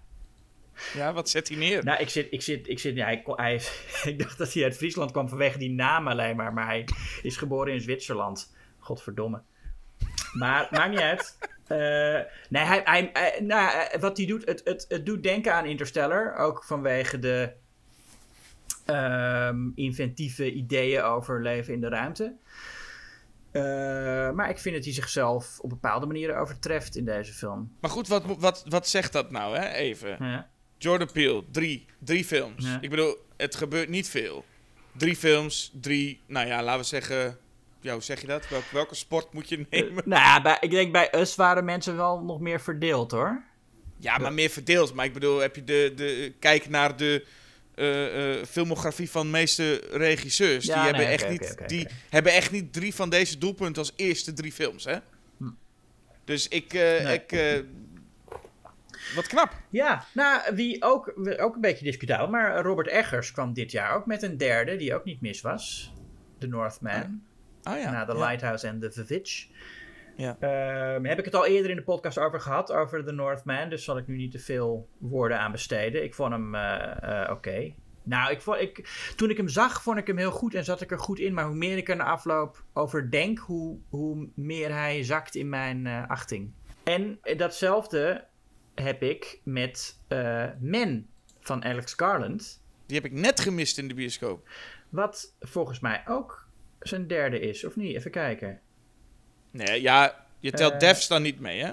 Dus dat, want het is een serie, miniserie. Ja, nee, Dev stel ik niet mee. En, en, en, en, en eh, hij heeft ook een korte film zo te zien, Civil War. Maar nee, die komt nog. Oké. Nee, oké. dus dan heb je Ex Machina. Ja. Ex Machina, Annihilation, Man. Ja. Ja, ik vind Man wel veruit zijn minste film tot nu toe. Hm. Ehm, Ex Machina had ik, toen ik hem voor het eerst zag, eh, had ik daar eh, gemengde gevoelens bij. En achteraf is die film eigenlijk alleen maar hoger eh, in mijn. ben ik hem alleen maar hoger gaan waarderen. Omdat ik dacht eerst. En dat, is, dat ga ik nu even vertellen. Ik dacht bij Ex Machina eerst. ehm, wat jammer dat het toch weer een soort waarschuwing is dat eh, kunstmatige intelligentie evil is. En eh, dat- dat, dat, verhaal hebben we al zo vaak gezien. Dat zo'n robot uiteindelijk evil blijkt te zijn. Ehm, misschien heb ik nou een spoiler voor Ex Machina eh, gedaan. Dus dat moet. Sorry. Eh, kan gebeuren. Ja. Maar ehm, toen ik, ik, ik ging er toch over nadenken. En toen zag ik onlangs een, een, een YouTube-filmpje over die film. Waarin, eh, van de YouTuber Sean. Waarin hij eh, eigenlijk de Wikipedia-samenvatting van die film bespreekt. En zegt waarom die Wikipedia verkeerd is. Want zij is helemaal niet zo evil. En ik, ik merkte dat ik dat ook verkeerd geïnterpreteerd had. En eh, nou, waarom precies, dan, moet je, dan verwijs ik je naar dat Wikipedia-filmpje. Maar het is niet per se waar dat zij die jongen alleen maar gemanipuleerd heeft die hele film lang. Ja, nou, maar dat, dat, dat, wordt te veel geneuzel in details. Dus kijk daarvoor eh, eh, eh, naar Sean's YouTube-kanaal. Annihilation vond ik heel sterk. En Men vond ik... ehm, nou ja, de titel zegt eigenlijk al genoeg. Het is een film die ook, nou, een beetje wat, wat ik net zei over X, dat het, dat het vooral geen pretentieuze, artistiekerige film is. Men is wel echt artistiekerig. Ehm het gaat over een, eh, een, een, een jonge vrouw, Jessie Buckley. Haar eh, eh, man, haar echtgenoot, heeft. Nou, of hij zelfmoord gepleegd heeft, is niet helemaal duidelijk. Hij is dood in elk geval. En ehm, eh, eh, zij is ja, in de rouw en trauma en dit en dat. En gaat naar een afgelegen dorpje ergens in Engeland in een groot huis zitten. En natuurlijk komen dan nou ja, mannen haar lastigvallen. Eh alle mannen in de film, behalve haar echtgenoot, worden gespeeld door Rory Kinnear. In eh, soms eh, bij- bijna onherkenbaar gemaakt, wat het, doel een beetje voorbij schiet. Hij speelt ook een, een klein jongetje in de film. En dan is zijn gezicht digitaal op het lichaam van zo'n jongetje geplakt. En dan denk je van, wat een, wat een raar gezicht heeft het jongetje. Maar verder is het Ja. wel aardig dat hij al die rollen speelt. En dat het, ja, hij heeft toch wel een soort gezicht dat je op heel veel verschillende manieren kunt inzetten. Nu moet ik heel erg denken aan, ziet het er dan zo uit als, eh hoe heet dat, de nieuwe seizoen van What We Do in the Shadows? heb ik nog niet gezien. Nee, oké, maar als je het einde van de laatste, eh, laatste seizoen hebt gezien, dan krijg je ook dat ineens eh, Mark Prox gezicht op een baby is geplakt. Ik heb nou een beetje dat gevoel, Ja. krijg ik nu. Ja, nou goed, het is een film die, die eh, op zich niet heel erg zijn thema's uitlegt. Ehm, maar het is wel een film met, nou ja, v- van, van die toneelschooldialogen en van die shots die dan. eh, van die, van die mooie esthetische shots. En eh, ja, de, ik, ik, ik, ik, heb er wel, ik zat er wel de hele tijd in en ik vond hem lekker. En ik vond ook zeker hoe Garland gebruik maakt van de natuur. eh, vind ik heel mooi. Maar als horrorfilm vond ik hem toch niet effectief. En aan het einde, de, de finale van de film, is een, echt een, een, een grotesk spektakel. Wat het eigenlijk wel de moeite waard maakt om te zien als je een horrorfan bent Mhm. moet je eigenlijk gewoon voor dat laatste kwartier even er naartoe. Ehm, en dan zie je dat en dan denk je, ja, oké, het is allemaal leuk. Maar je voelt ook de hele tijd dit, dat Garland wil dat het allemaal heel erg symbolisch is voor iets. En ehm, dat, ja, dat, dat- dat, dat ligt er toch te dik bovenop. Die wil om iets te zeggen en om, een, om een, in dit geval een feministisch statement te maken en eh, symbolisch te zijn. Het, is allemaal, het ligt er allemaal te dik bovenop. Je zou het woord pretentieus bijna gebruiken. Bijna. Nee, dat woord zeg ik alleen maar omdat ik dan een, even een klein bruggetje wil maken met, met de volgende film. Ja. Weet je wie ook wel eens pretentieus is? Nou, Jared Leto. ach. Ja, ik vind toch dat we, dat we It's Morbin Time even moeten noemen. Oh ja, ja ik, ik vind het een ontzettend grappig verhaal over die film. Ik heb het niet gezien. Nee, nee, dat moet je ook helemaal niet doen. Het is eigenlijk, als je, als je, als je denkt aan Morbius, dan, dan denk je aan dit is een film die ongeveer in de gelijktijden gemaakt is met eh, Spawn en, en Blade. Gewoon die eind, eind jaren negentig. Dus ik heb ergens het gevoel dat ook heel veel mensen misschien hem nu gaan kijken en denken, oh, is daarom best wel grappig. Maar nee, het is, het is bijzonder hoe we... eh, nee, het hele Marvel gebeuren hebben we al over gehad. Maar het feit dat je nu nog steeds superheldenfilms gaat maken die zo uit een, uit een, uit een koker komen. Waar je denkt, jongens, jullie lopen gewoon, gewoon nu bijna 20, 30 jaar achter. Dat is vrij bijzonder. Ja.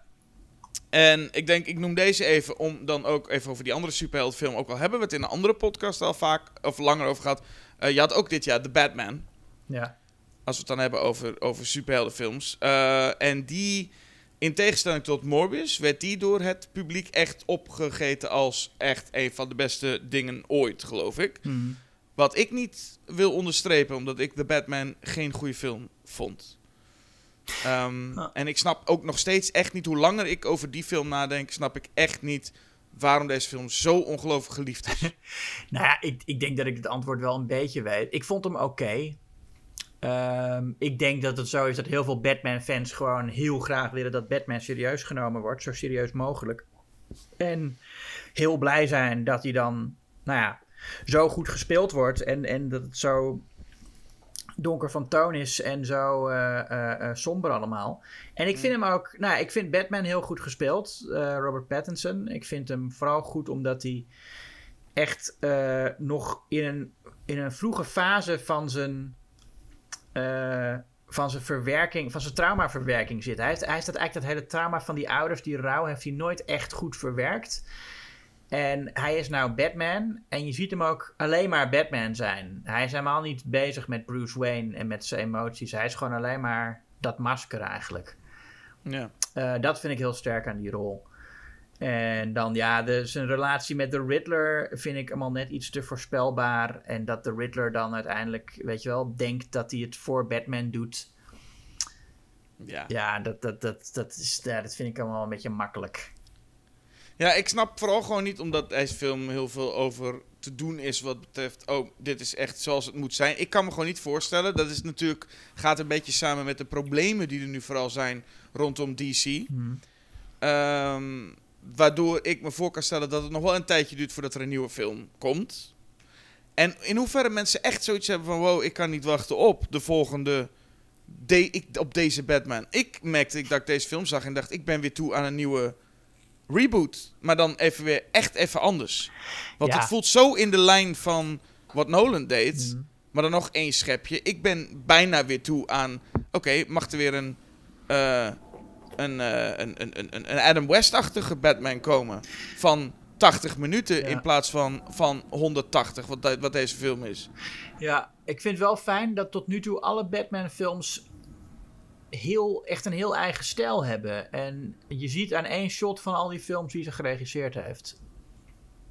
Nou, dat is wel waar. Het is een, een, een, een wel als je het zo bekijkt, een heel, heel kleurrijke serie waar deze man eh, Ja, in zit. van, van Burton tot Schumacher tot Nolan tot nou eh, Matt Reeves. Ja, maar ik voel nu, omdat ik heb gewoon ergens een beetje de angst dat men nu misschien met nog een Batman, nog een The Batman komt. En dan misschien nog wel eentje. En ik denk, ik, ben, ik vind eigenlijk nu mag het roer wel weer om naar een volgende. Ik ben wel klaar met deze nu. En ja, ik weet niet of dat ook echt zo gaat zijn. Want gezien het succes zou je kunnen zeggen dat ze hier sowieso nog wel drie, vier films uit weten te pompen. Ja. Ja. Ik gok dat Robert Pattinson ook toch wel zegt, jongens, ik ben er klaar mee. Ik, eh, ik ga wat interessanters doen. Nou ja, dat, dat wil hij natuurlijk wel. Maar daar, eh, eh, kijk, die, die films als The Lighthouse, dat levert allemaal geen flikker op. Nee, maar ik bedoel, zo'n, zo'n, dat zijn de meeste acteurs die dan voor zo'n Batman-film... die zeggen op een gegeven moment wel van... ik ben wel klaar nu. Ik bedoel, zoveel acteurs zijn er niet die Batman vaak hebben gedaan. Ja, nee, maar goed, maar wat, wat moet hij dan? Nou, Robert Pattinson, die, heeft nog, die kan nog wel wat. Ja, nee, maar ik Eh, bedoel, die, hij, eh, hij zal altijd dit soort rollen moeten spelen. En het probleem is een beetje dat, zeg maar, echt de, de, De dramarollen waren. Nou, Matt Damon ging laatst ook viral op Twitter met een filmpje daarover. Hij zei van de films die ik in de jaren 90 maakte, de, de gewone drama's met middenbudget, die zijn er allemaal niet meer. En dat heeft vooral te maken met uh, uh, de dvd's. Vroeger kon je het je veroorloven dat een film in de bioscoop niet al zijn geld opbracht, omdat je wist dat er gewoon dvd aankwam. En dat was ook een heel belangrijk onderdeel van uh, het financiële plaatje voor de studio's. Ja. Tegenwoordig, ja, die films komen op streamingdiensten waar ze duizend keer minder verdienen dan op DVD, als het niet nog minder is. Dus dat, die films worden veel minder gemaakt. En dat lijkt me ook, ja, Robert Pattinson is, uh, is echt een acteur voor zulk soort films. Hè, voor films waar, waar Matt Damon in de jaren negentig in zat. Uh, van Talented Mr. Ripley tot Good Will Hunting. Dat is wat ik Robert Pattinson wil zien doen. Maar ja, die films worden niet meer gemaakt. Dus hij, zit, dus, dus hij moet af en toe Batman zijn om dan ook in een film als The Lighthouse te kunnen zitten. Ja, en ik denk dat puur het gaat om Marvel's hele... Uh, hè, die gaan nu nog een hele tijd door. Ja, als je die Comic-Con dingen volgt, dan zie je zo'n platte grond waarbij ze weer tot 2040 hebben doorgepland. Uh -huh. En DC doet nu het tegenovergestelde lijkt het, want die gooien alles in de prullenbak. En Batgirl gaat de prullenbak in. Nou, dat en, doet DC en, en, niet, dat doet... Uh... Warner Brothers. Ja, of wat, uh, wat, wat, is het? Ze zijn er overgenomen, geloof ik, of zoiets. Ja, maar in ieder geval... het is een enorm drama en het is ook het, een ontzettend slechte beslissing. Want ze hebben voor, uh, om, om, om 3 miljard te besparen... En dat is dus een, een, een belastingding. Hè? Het is een beetje zoals in de producers van Mel Brooks. Van we hebben deze film gemaakt, maar om, we kunnen hem afschrijven op de belasting. En ja. dan krijgen we de 3 miljard. En dan hoeven we die film, als we hem niet uitbrengen, krijgen we dan 3 miljard van de belasting. Ja. En nou, die beslissing en nog andere beslissingen hebben ze tot nu toe 20 miljard gekost. Tenminste, de laatste keer dat ik checkte stonden de cijfers uh, op, op 20 miljard. Um, dus we moeten nog zien hoe dat, uh, hoe dat gaat aflopen. Ja, en dan heb je het hele debakel met de Flash. Uh, ja. wat, wat niet alleen maar dus door die overname lijkt te zijn, maar vooral ook gewoon de pro problematiek van, rond Ezra Miller. Mm -hmm. En dus, nou ja, gewoon even gezegd hebben dat, um, dat ofwel ze gaan naar zoals Joker zou krijgt volgens mij een nieuwe film. Ja, met uh, Margot, nee niet met Margot, met Lady Gaga als, uh, als uh, hoe heet ze, Harley Quinn. Ja, oké. Okay. Nou ja, het, het, het, het gaat zeg maar nog even zo door bij de succesvolle films. En, de, en nou ja, er gaan ook een paar, heel wat projecten de prullenbak in.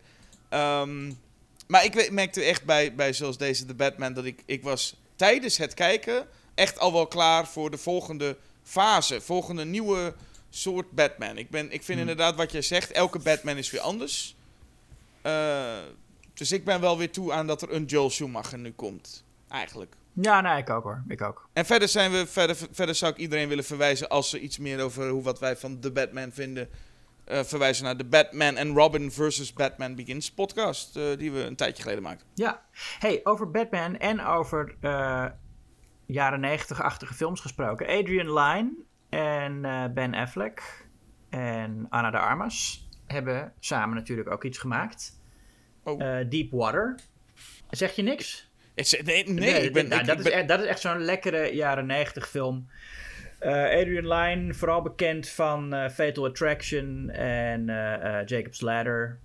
En Nine and a Half Weeks heeft hij gedaan en Indecent Proposal. Heel veel van, ja, van die sexy thrillers. Um, en Deepwater is er ook zo een. ben Affleck en Anna de Armas spelen een heel rijk koppel. En zij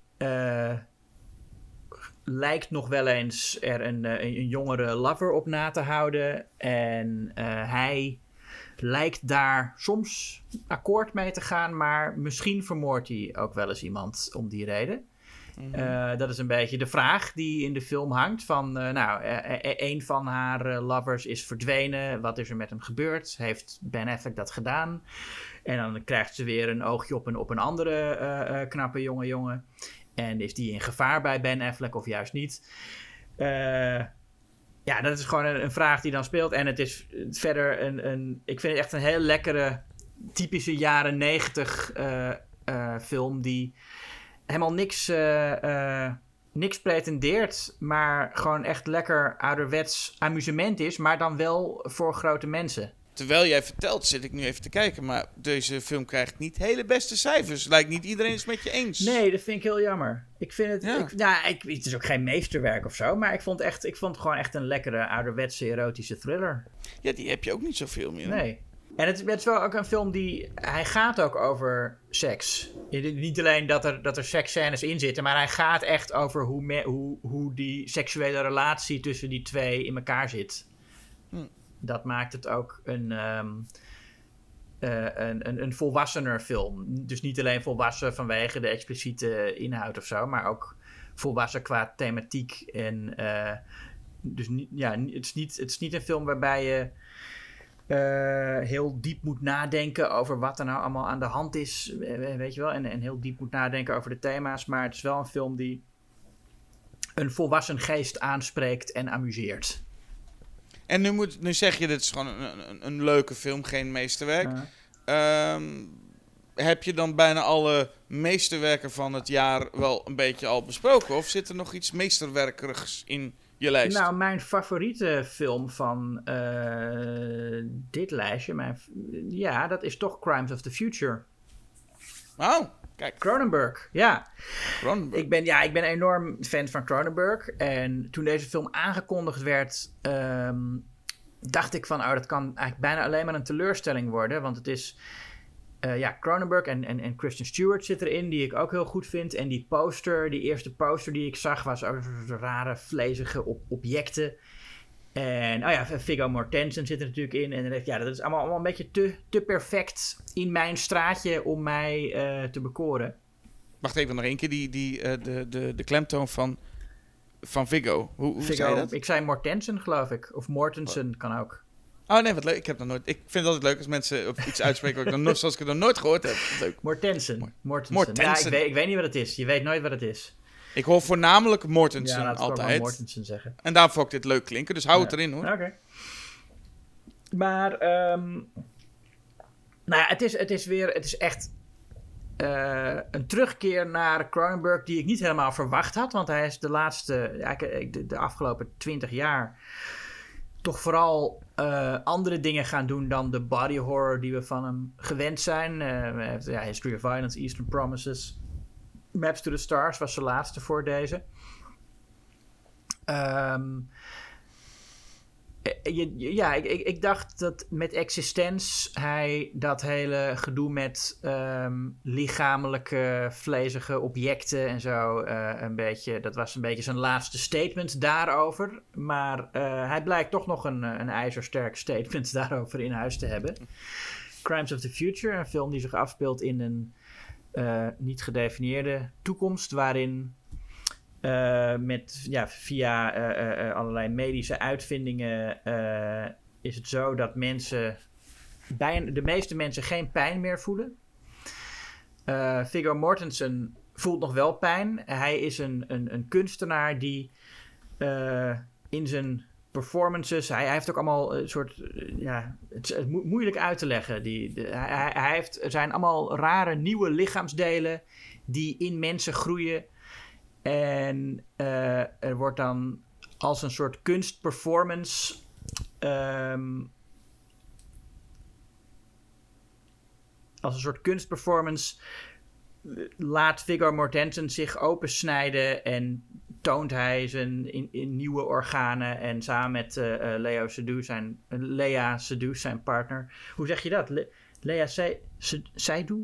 Eh, in elk geval. Lea, Se Lea Seydoux. Ja, ze doen. Ja. Dus zij, zij doen aan een soort, aan een soort lichaamskunst. En ehm, er worden heel wat nou, typische Cronenberg eh tafereeltjes zien we. eigenlijk- Ik denk wel gruwelijker dan hij ooit geweest is op bepaalde manieren. Ehm, omdat het allemaal... eh, het, het, is, het is zeker realistischer dan bijvoorbeeld The Fly. Ehm, en het is ook wat harder en wat, wat killer. En eh, ook de mensen met wie het... Ik zal, ik zal niet te veel verklappen, maar de mensen met wie het gebeurt... zijn ook anders dan Jeff Goldblum in The Fly, laat ik het zo zeggen. Ehm, ja, dus je ziet, je ziet lichamen opengesneden worden. Je ziet gekke nieuwe organen. Je ziet vlezige eh, dingen. Je ziet operatieinstrumenten. Eh, dus allemaal typische Cronenberg dingen. Maar ik vind het niet, het is niet echt, het is niet greatest hits. Hij doet wel echt iets, iets nieuws en iets anders. Ten eerste met die toekomstsetting, wat hij eigenlijk nooit eerder gedaan heeft. Dat dit is echt duidelijk ook uh, in, een, in een heel andere wereld dan waar wij in leven. Je denkt geen moment dat wij um, dat, dat dit in onze wereld is, zoals bij The Fly en Videodrome nog wel zo lijkt. Mm -hmm. uh, en het is een heel overtuigend weergegeven wereld, vind ik. En ik vind het ook een van zijn grappigste films. Er zitten echt ontzettend geestige scènes in. Vooral met uh, Kristen Stewart. Ja. Die heeft een, uh, een, een komisch talent, uh, blijkt hier. Ja, zeker. Die is, die is, trouwens, dat bleek al eerder natuurlijk in, in die kerstfilm. Hoe heet die? Die romantische comedy. Um, Happiest Season. Oh. Ook erg goed. God ja, dus het kon alleen maar tegenvallen, zei je, en dat deed het niet. Ja, dat was, dat was leuk. Ja. Wat fijn, ja. toch? Ja, zeker. Ja, ik, ik, ik, hoopte, ik hoopte dat ik er zo van kon genieten als jij. Ik, ik, ik heb dat niet gekund, helaas. Je hebt wel eens van die, van die uh, performance art. Ja. En als ik dat zie, word ik ook altijd heel moe van. En heel, dat, daar kan ik inderdaad niet zo goed. Wel eens van die performance art. Alle performance art die jij ooit gezien hebt. Ik weet dat ik ooit eens een keertje bij een, een soort theaterding was. Mm. Van allemaal studenten, die gingen dan dingen doen. Oh ja. en er was inderdaad een man die ging, uh, die ging op een stoel zitten, uh, half naakt, en smeerde zichzelf in met banaan. Ja, oh ja, dat moet je niet hebben. Nee, daar hou ik niet van. Van banaan? Nou, voor mensen die in, insmeren met banaan vind ik een van de vieste dingen die je kunt doen. Nee, oké, okay, nee, dat zal ook wel. Het is alleen meer dat ik, ik gewoon dit voelde. Het, het, het, ik, ik, heb gewoon heel vaak moet ik dan aan denken aan, aan dat ja. idee. Omdat ik snapte deze film niet. Ik heb naar bepaalde dingen heel gekeken. Ik heb gekeken naar interessant camerawerk, naar interessante uh, uh, uh, visuals. Ik vond het spel heel intrigerend. Kirsten Stewart, wat je zegt, deed heel leuk.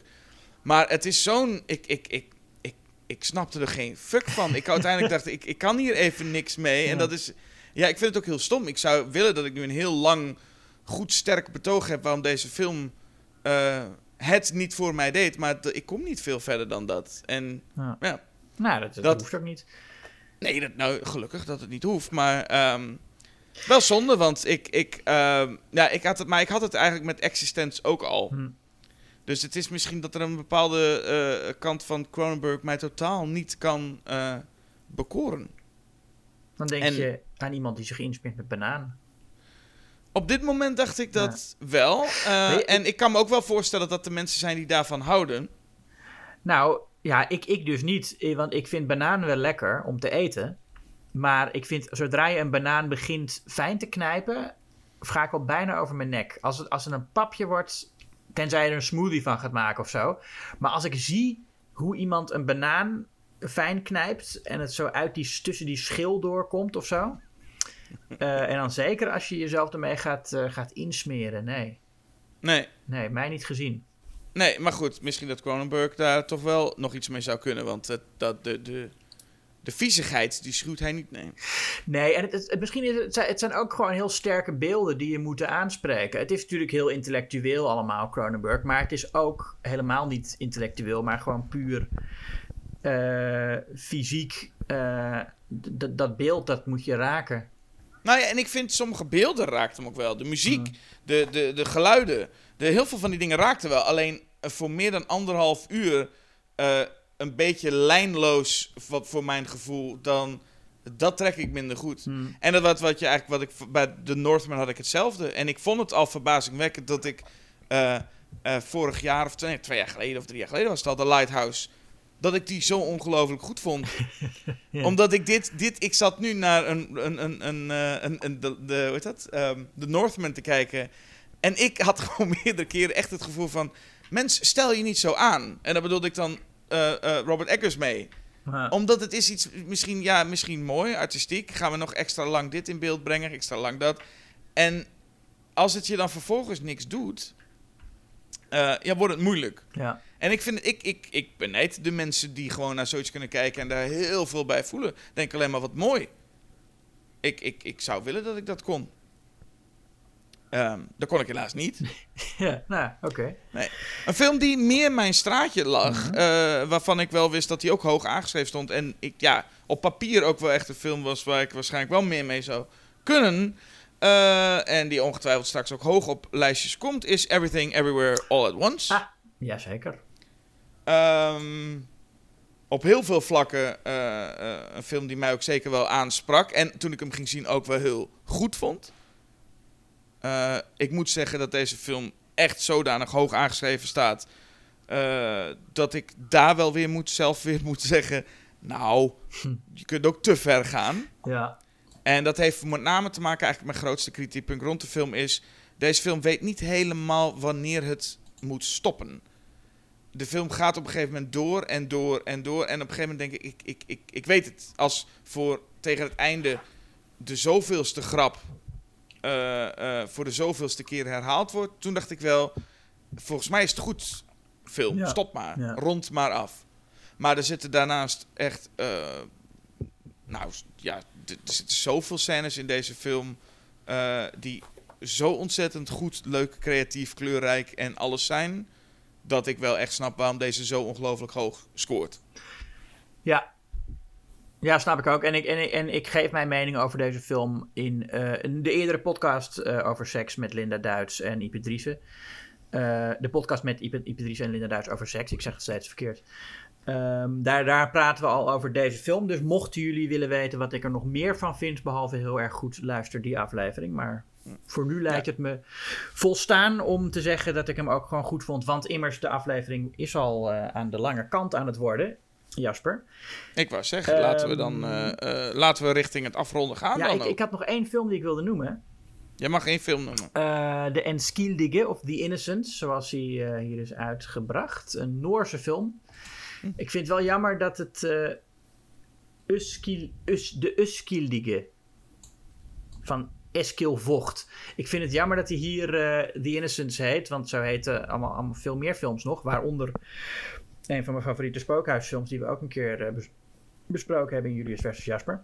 Ja. Maar goed, doet er niet toe. Het, is wel, het heeft wel een goede reden dat hij zo heet, uh, The Innocents. een film over een woonwijk een beetje. Of nee, nee, nee, een flat. ja, waarom zeg ik nou woonwijk? Een film over een flat Waarin, uh, nou ja, er wonen wel mensen. Ja. ja. Uh, flats waar, waar, waar best wel wat gezinnen met kinderen wonen. Um, en, en ja, in eerste instantie is er dus die kinderen die zijn onschuldig. Die hebben in die zin dat ze eigenlijk geen idee hebben van wat goed en fout is. En dat, daar zie je het mee beginnen. Um, deze film heeft denk ik het heftigste geweld dat ik dit jaar in films heb gezien. Uh, met name het eerste uh, echte geweldsmoment. Er wordt een kat doodgemaakt. Uh, geen echte kat natuurlijk. Nou, er zit wel een echte kat in, maar die wordt niet echt doodgemaakt. Maar je hoort hoe een jongetje op zijn hoofd gaat staan. En dan hoor je dat schedeltje knappen. En dat jongetje dat doet dat met een soort, niet eens met sadisme, maar gewoon uit een soort idee van, nou, zullen we die kat eens doodmaken? Ah, oké. En Um, dat zijn kinderen op een leeftijd die zitten dan in een soort morele grijze zone. Ik weet niet of, je dat in, of, dat, of dat in het Nederlands uh, uh, gezegd wordt. Maar um, nou, daar begint het mee. En dan blijkt dat een aantal van die kinderen paranormaal begaafd zijn. Die kunnen telepathisch met elkaar communiceren en die hebben telekinetische gaven. En dan krijg je dus het probleem dat dat jongetje dat die kat heeft doodgemaakt, wat natuurlijk best wel een, een ettertje is, dat zo'n kind dat heel heftig kan reageren op uh, emotionele uh, uh, ervaringen, ja, heel, heel sterk telekinetisch begaafd is. En ja, eigenlijk een soort carry, maar dan met die heel gericht zijn gaven kan inzetten ook. En het mooie is dat die Innocence dat helemaal um, echt doet in de stijl van een, een drama. Je ziet, het zijn allemaal ja, heel, heel natuurlijk gespeelde rollen. En er zit heel veel gewoon gezinsdrama in. En uh, uh, hoe het allemaal is in die flat met die families die daar wonen. En het is helemaal niet als een typische horrorfilm gefilmd. Uh, waardoor het heel overtuigend wordt. En ook heel spannend. Zeker richting het einde. Als je denkt van ja, dat jongetje, dat is. het is gewoon echt een, een realistisch jongetje. Dat hij zo heftig reageert op al die dingen. En dat hij uh, niet echt het, verschil tussen goed en fout weet, maakt hem gewoon levensgevaarlijk. Maar ja, wat, wat doe je dan, weet je wel? Ehm, dus ja, het is. En, en, en, en er gaan een paar mensen dood. En elke dood heeft echt gewicht in deze film. Het is niet heel expliciet gewelddadig of bloederig, maar het, het komt wel zo hard aan omdat het zo um, naturel gebracht wordt. Ik weet, ik heb de film niet gezien. Ik weet wel dat het een van die films is waarbij ik uh, al geïntrigeerd raakte, puur door die poster. Ja. Het is een ontzettend scherp, uh, sterke ja, poster met poster, een, ja. een, een, Volgens mij is het puur een, een, een, een afbeelding van de, een meisje op een schommel die op de kop hangt, geloof ik, hè? Ja, zo, het is, de foto is dan ondersteboven, maar zij hangt op die schommel. Uh, ja, hoe, hoe leg je dat nou uit? Je moet, gewoon die, je moet gewoon even die poster bekijken nu. Laten we posters bespreken in de podcast. Dat is ja. goed, ja. Nou, maar dus niet gezien. Uh, uh, het klinkt heftig wat je nu omschrijft, ja. Ja, nou ja, misschien maak ik hem... Te, het, is niet een, het is niet een film waarvan je denkt... oh, dat was heftig. Het is geen Salo of zo. Maar um, ik zou hem aanraden, van harte. Nou, maak ik het toch nog even... Ik weet niet of, of het rond is... maar we hebben nu eigenlijk bijna alles benoemd van 2022... wat we gezien hebben, maar ook echt werk uit 2022. Ik heb ook iets gezien wat niet uh, uit 2022 komt, per se. Maar wat ik wel dit jaar ontdekt slash gezien heb, mm -hmm. wou ik toch even benoemen. En de brug is eigenlijk simpel. Jij noemde net The Innocence. Uh -huh. En daarbij noemde jij ook, uh, had je het even over die podcast die we maakten begin dit jaar over The Innocence tegen The Haunting. Mm -hmm. En in die aflevering spraken we even kort over de uh, miniseries die er zijn gemaakt, die ik nog niet gezien had, van Mike Flanagan. Oh ja. En toen heb ik vervolgens mijzelf in de Mike Flanagan miniseries gegooid dit jaar. Um, en dat was interessant, zacht gezegd. Ja. Ik ben begonnen bij, uh, waar hij ook mee begonnen was, The Haunting of Hill House. Ja. Um, en dat is werkelijk waar een van de beste dingen die ik in de afgelopen jaren heb gezien. Dat was echt een van. Uh, ja, daar was ik, uh, ik was meteen verliefd op die serie. Hm. Uh, het zat zo goed in elkaar, zo goed gespeeld. En, en echt zoveel spanning. Elk moment voel je dat. Het is een. een, een, een er zitten overal een soort van geesten verstopt. Nou, het is, het, het, het is. En ik vond het een hele bijzondere, mooie, knappe manier van zo'n bekend verhaal opnieuw vertellen. Want de personages zitten er wel in. De namen vooral, maar ook bepaalde karaktertrekken. Mhm. Maar het is toch een heel ander soort verhaal ermee gemaakt. Wat ik een heel interessant, goed idee vind eigenlijk. Ja, ik vond hem ook heel sterk. Ik vond een heel sterke serie. Ik vond alleen, wat ik altijd met, met eh, Flanagan heb, eh, wat ik van hem gezien heb, dat hij niet goed is in eindes. Ook in zijn films. En ook in die serie, het wordt, het wordt zo sentimenteel. En dan heb je ook nog een heel stom liedje waarmee het afgesloten wordt. ik herinner me dat ik me daar ontzettend aan geërgerd heb. Kan ik me wel iets bij voorstellen? Hoewel ik bij dus deze, deze serie had mij zodanig... dat ik denk, het maakt niet uit wat je nu afspeelt. Ja. Je hebt me toch wel. En dat, dat dus mijn, mijn kritisch vermogen was er totaal niet meer tegen het einde. Want het was... Elk, elk, elk ding had mij of zo. Ja. Elk beeld. Elk ontzettend knappe film. Ja. Eh, serie, mi- miniserie, film, hoe je het ook wil. ja. Ehm, toen kwam de, de, de, de Haunting of Bly Manor. Ehm, ik vind het sowieso een leuk idee. Eigenlijk een, een, een, een terugkerende cast in een serie met nieuwe, gewoon nieuwe, ja, eigenlijk gewoon nieuwe rollen voor dezelfde acteurs. ja, dat doet American Horror Story ook. Ja, ik vind, vind het een, een, een leuk idee. En alleen, ja, deze serie was wel echt een stuk minder, vond ik. Ja, vond ik ook. Eh Bly Manor. Eh, het was af en toe toch een beetje futloos. Ik merkte echt, hier was niet voldoende verhaal volgens mij voor eh, zoveel afleveringen. Terwijl de Hunting of Hill House precies goed afgemeten voelde. Ja, het is, het is veel. Eh, het is ook, het- soms proberen ze niet eens om het nog spannend te maken. Maar denken ze gewoon dat wij genoeg interesse hebben in die personages. om ook een soort soap over hun te willen zien. En Ja. dat is, dat, daar is het toch dan niet goed genoeg voor. En wat ik ook heel vaak had, en dat is altijd een beetje flauw om te zeggen, maar het is een, het wordt ge- eh, het is een raamvertelling. Hè? En Ja. het is een feestje waar mensen spookverhalen vertellen. En dan komt er één vrouw binnen die zegt: Nou, wil je een spookverhaal horen? Ik heb hier nog wat voor je. En dan begint ze dat hele verhaal te vertellen. En dat is die serie. En dus ik bij aflevering 6 zat ik te. Zijn die mensen er nog steeds aan het luisteren? naar dit? Het was ook een soort bruiloft of zo. Ja. Dat je denkt, ik neem even de tijd er om een verhaal te horen. drie uur te luisteren naar een verhaal over familieperikelen en vertakkingen hier en daar. En oh, en toen kwam Ja. die. En, ja. En dat ze inderdaad, dat ze dan iets vertelt over, bij zo'n bruiloft iets vertelt over, van, nou, en toen liep dat jongetje dus de trap op en verder naar boven. En toen kwam ze bij de trap, nou, toen was het uiteindelijk toch niks. Dus hij ging weer naar beneden. ja, dat stuk had je over kunnen slaan, maar goed. Ehm, het is een, nee, maar, maar het is echt wel een stuk minder. Hij is ook echt een stuk minder eng. Ik vond Ja. de, de, de Haunting of, of, of Hill House zat echt af en toe ook jumpscares in en, en bepaalde dingen die onder je huid gingen zitten die zo effectief waren. En hier was het allemaal een beetje zoals ik Thor Thunder ook omschreef. Het is een beetje een herhalingsoefening, maar dan allemaal net niet. Ja. Zat er allemaal soms net naast. Hoewel ik vond, eh dat is toevoeging, eh Rahul Kohli speelde een rol. De, de, dus de, de chef, volgens mij is het. Vond ik echt een hele sterke rol. En hij had Ah, op een ja. gegeven moment ook een, een, hele, een hele goede, sterke, ontroerende monoloog, vond ik.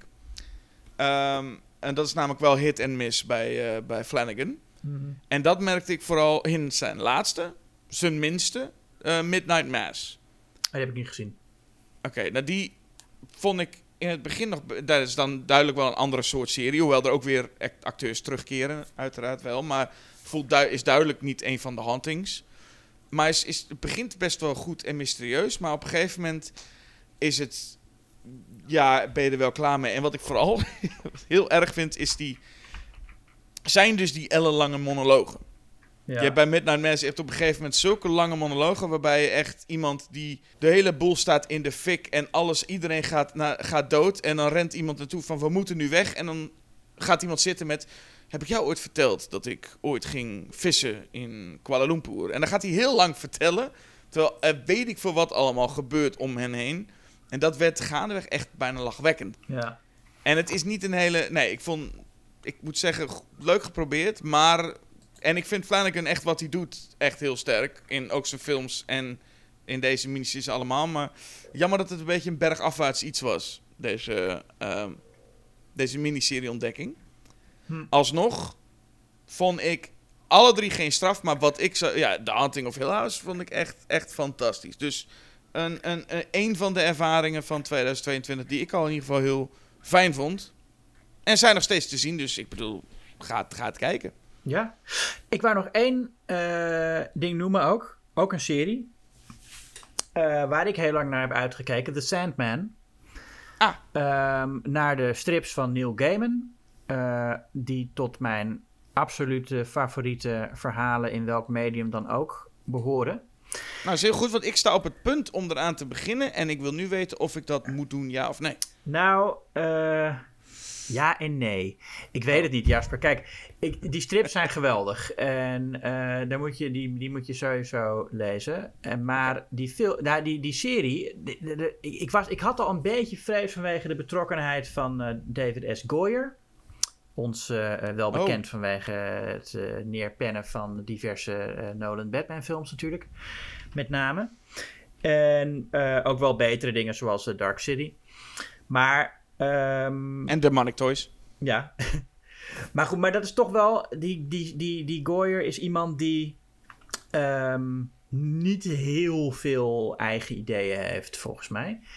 En eh Neil Gaiman is dat wel. En die was er ook bij betrokken. En die zei dat de serie hartstikke goed was. En nou ja, dat, dan vertrouwde ik dat wel.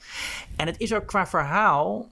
Wat ik heel erg leuk vind eraan, is dat ze nemen een paar uitgangspunten van eh, de strips. Met name de eerste twee eh, gebundelde romans die er zijn. Dus de strips zijn, zoals heel veel strips, zijn het eerst losse issues. En die worden dan gebundeld in graphic novels, zoals dat dan pretentieus eh, genoemd wordt. En de eerste, het, eigenlijk het verhaal is, heeft een, een aantal elementen uit de eerste twee graphic novels die op een andere manier eh, eh, bewerkt worden. Dus het zijn, het, het zijn verhaaltjes met dezelfde uitgangspunten als in de strips, maar dan gaan ze er vaak net een andere kant mee op, wat ik leuk vind. Ik had het niks gevonden als het allemaal exact hetzelfde was als in de strip. Ehm, maar wat ik dan wel, wat ik, wat ik dus echt mis, die strips, die zien er, zeker de eerste twee, zien er fantastisch uit. En ze zijn ik vind eigenlijk zijn alle, eh, eh, alle nummers van de Sam, ze worden getekend door of allemaal verschillende tekenaars. En ze zijn allemaal in elk geval creatief vormgegeven. Ik vind ze lang niet allemaal mooi. Maar ze hebben in elk geval allemaal echt een eigen visuele identiteit. En die eerste twee vind ik echt prachtige eh, pagina's hebben. En die serie ziet er zo saai uit. Oh. Ja, het is zo jammer dat je niet. Ik, ik snap gewoon ook niet hoe ze dat. ja, waarom, ze, waarom ze daar niks. Uh, uh, niks mee gedaan hebben. Ja, want ze hebben ook ze hebben echt goede regisseurs. Ik zie uh, Coralie, hoe, ik weet niet hoe je naar haar naam zegt, maar Coralie Fargiat, die Revenge gemaakt heeft. Fargiat. Mm en die, maar die heeft ook een aflevering. Denk van ja, daar had je wat mooie actiescènes in. Maar dat is ook een, ja, visueel een aflevering van niks eigenlijk. Het is allemaal, ja, gewoon kleurloos plastic lijkt het. Uh, ja, gewoon echt, echt saai. En dat is zo jammer, want het is zo'n uh, visueel rijke strip. En het is ook um, best wel, zeker in de, in, de, in de vroege nummers, best wel een horrorstrip. En ook echt lekker onbeschaamd pulpy. Ja. En daar lijkt die serie ook bang voor. In de eerste aflevering zit iets. Nou goed, in, het, het gaat. Ik heb nog niet gezegd waarover gaat. Het gaat dus over de koning der dromen. Of de heer der dromen, hoe je het ook wil noemen. Dream. Tom Sturridge uh, uh, speelt hem. Heel goed, overigens. Die wordt gevangen. En in de strip komt hij op een gegeven moment vrij. En dan zegt hij tegen zijn gevangen, of eh, tegen een van de mensen die hem daar gevangen heeft genomen, dat hij hem een, een gift geeft, namelijk het eeuwig wakker worden. En dan wordt die man, die, gaat dan, die valt dan in slaap en die heeft dan steeds nachtmerries waarin hij droomt dat hij wakker wordt en dan is het weer een nachtmerrie. En dat is dan zijn straf voor het gevangen houden van uh, Dream, is dat dat zijn hele leven lang doorgaat. En dan zie je een, een prachtige pagina met, uh, met die nachtmerrie. Met smeltende gezichten en hoofden die eraf vallen en zo.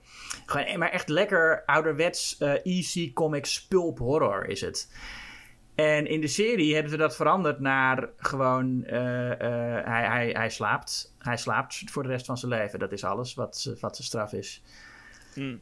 Dus dan lijken ze ja, toch een beetje bang om, om dat horror-element erin te doen. En sowieso een beetje bang voor de malle pulp.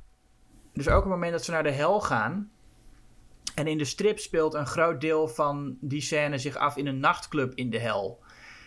Uh, waar allemaal, ook allemaal gekke monsters en demonen zitten. Maar hier is de hel alleen maar ja, een, een, een, een hels landschap zoals je dat kent uit duizend andere films. Dus er is echt een soort, ik denk ja, een soort angst om visueel net zo creatief en uitbundig te zijn als uh, de strips zijn. Maar mag ik daaruit concluderen dat, dat je voornamelijk zegt visueel is het echt heel erg jammer? Ja. Maar wat zeg je dan is het als ik daar nou doorheen kan kijken? Stel ik zeg dat visuele boeit me niks, mhm. dan is het wel echt wel de moeite waard? Nou ja, ik, ehm, eh, soms. Kijk, ik vind het, de, de verhalen uh, vind ik echt gewoon erg goed. Het, ja, het zijn heel sterke verhalen. Ehm, eh, filosofisch gebeuren er interessante dingen. ja, het is allemaal niet zo diepgaand als in de comics. Dat krijg je bij een bewerking. En helaas voegen ze er ook niet echt iets aan toe. Wat je zou kunnen doen, filmisch. Dat is dus echt een gemiste kans. Maar thematisch is het gewoon als je die strips niet gaat lezen, is dit, is dit een prima manier om toch nog een paar interessante ideeën tot je te nemen, denk ik. Ehm, ik vind, ja, de, de, eh, wat, ik heb in die strips soms ook wel problemen met dat de mythologie soms een beetje ter plekke verzonnen lijkt. Dan moet hij weer een zakje zand vinden en dan zegt ze, oh, en waarom, wat, kun je dan met het zakje zand? Nou, dan gebeurt er dit en met deze diamant kan ik dan weer dit. En dan denk je van, nou, het zal wel allemaal in, de, in, de, in een serie uh, wordt dat allemaal nog wat uh, storender. Omdat het dan ook op hoger tempo gaat. En is het van, oh, en, en, nou, en nou kan opeens deze diamant weer dit. En, nou ja, de, dus de mythologie wordt, wordt een beetje snel en, en arbitrair, lijkt die. Hmm. Ik zeg nou alleen maar negatieve dingen over de Sandman. Ik zat ook al te denken, want je zei ja en nee. En ik heb vooral nee gehoord. nou, nee, maar het, ja, wat, nou, wat, ik, wat ik heel goed vind is in elk geval de casting. Uh, Tom Sturridge is uh, uh, best wel fantastisch. Patton Oswald is ook leuk als een soort comic relief raaf. Ehm, Stephen Fry heeft een rol die hem op het lijf geschreven is. Eigenlijk is iedereen is, is, is perfect gecast. Mason Alexander Park als Desire. Um, ja, nee, ik, het zijn eigenlijk bijna alleen maar perfect gecaste personages. SM Chowdhury als Abel was ook een, eh, vond ik ook echt een perfecte keuze toen ik het hoorde. En blijkt ook zo te zijn. Een fijne positieve noot. Ik zou bijna zeggen, eh, dit was wat we tot dusver hebben gezien. En wij gaan gewoon weer door straks, hè? Ja, godsamme zeg. Ja, volgende keer doen we de Hitchcock-aflevering met eh, Shadow of a Doubt tegen Rear Window. Precies. Nou, tot die tijd mag je nog alle, alle, alle, andere- oude afleveringen eh, terugluisteren. Eh, en als je deze podcast nou zo leuk vindt, eh, vind hem dan eens leuk door op een knop te drukken waarmee je dan zegt ook tegen ons dat je het leuk vindt. Like en subscribe. Dat vinden wij leuk. Ja, en, eh, en, en, en, en reageer en laat recensies achter.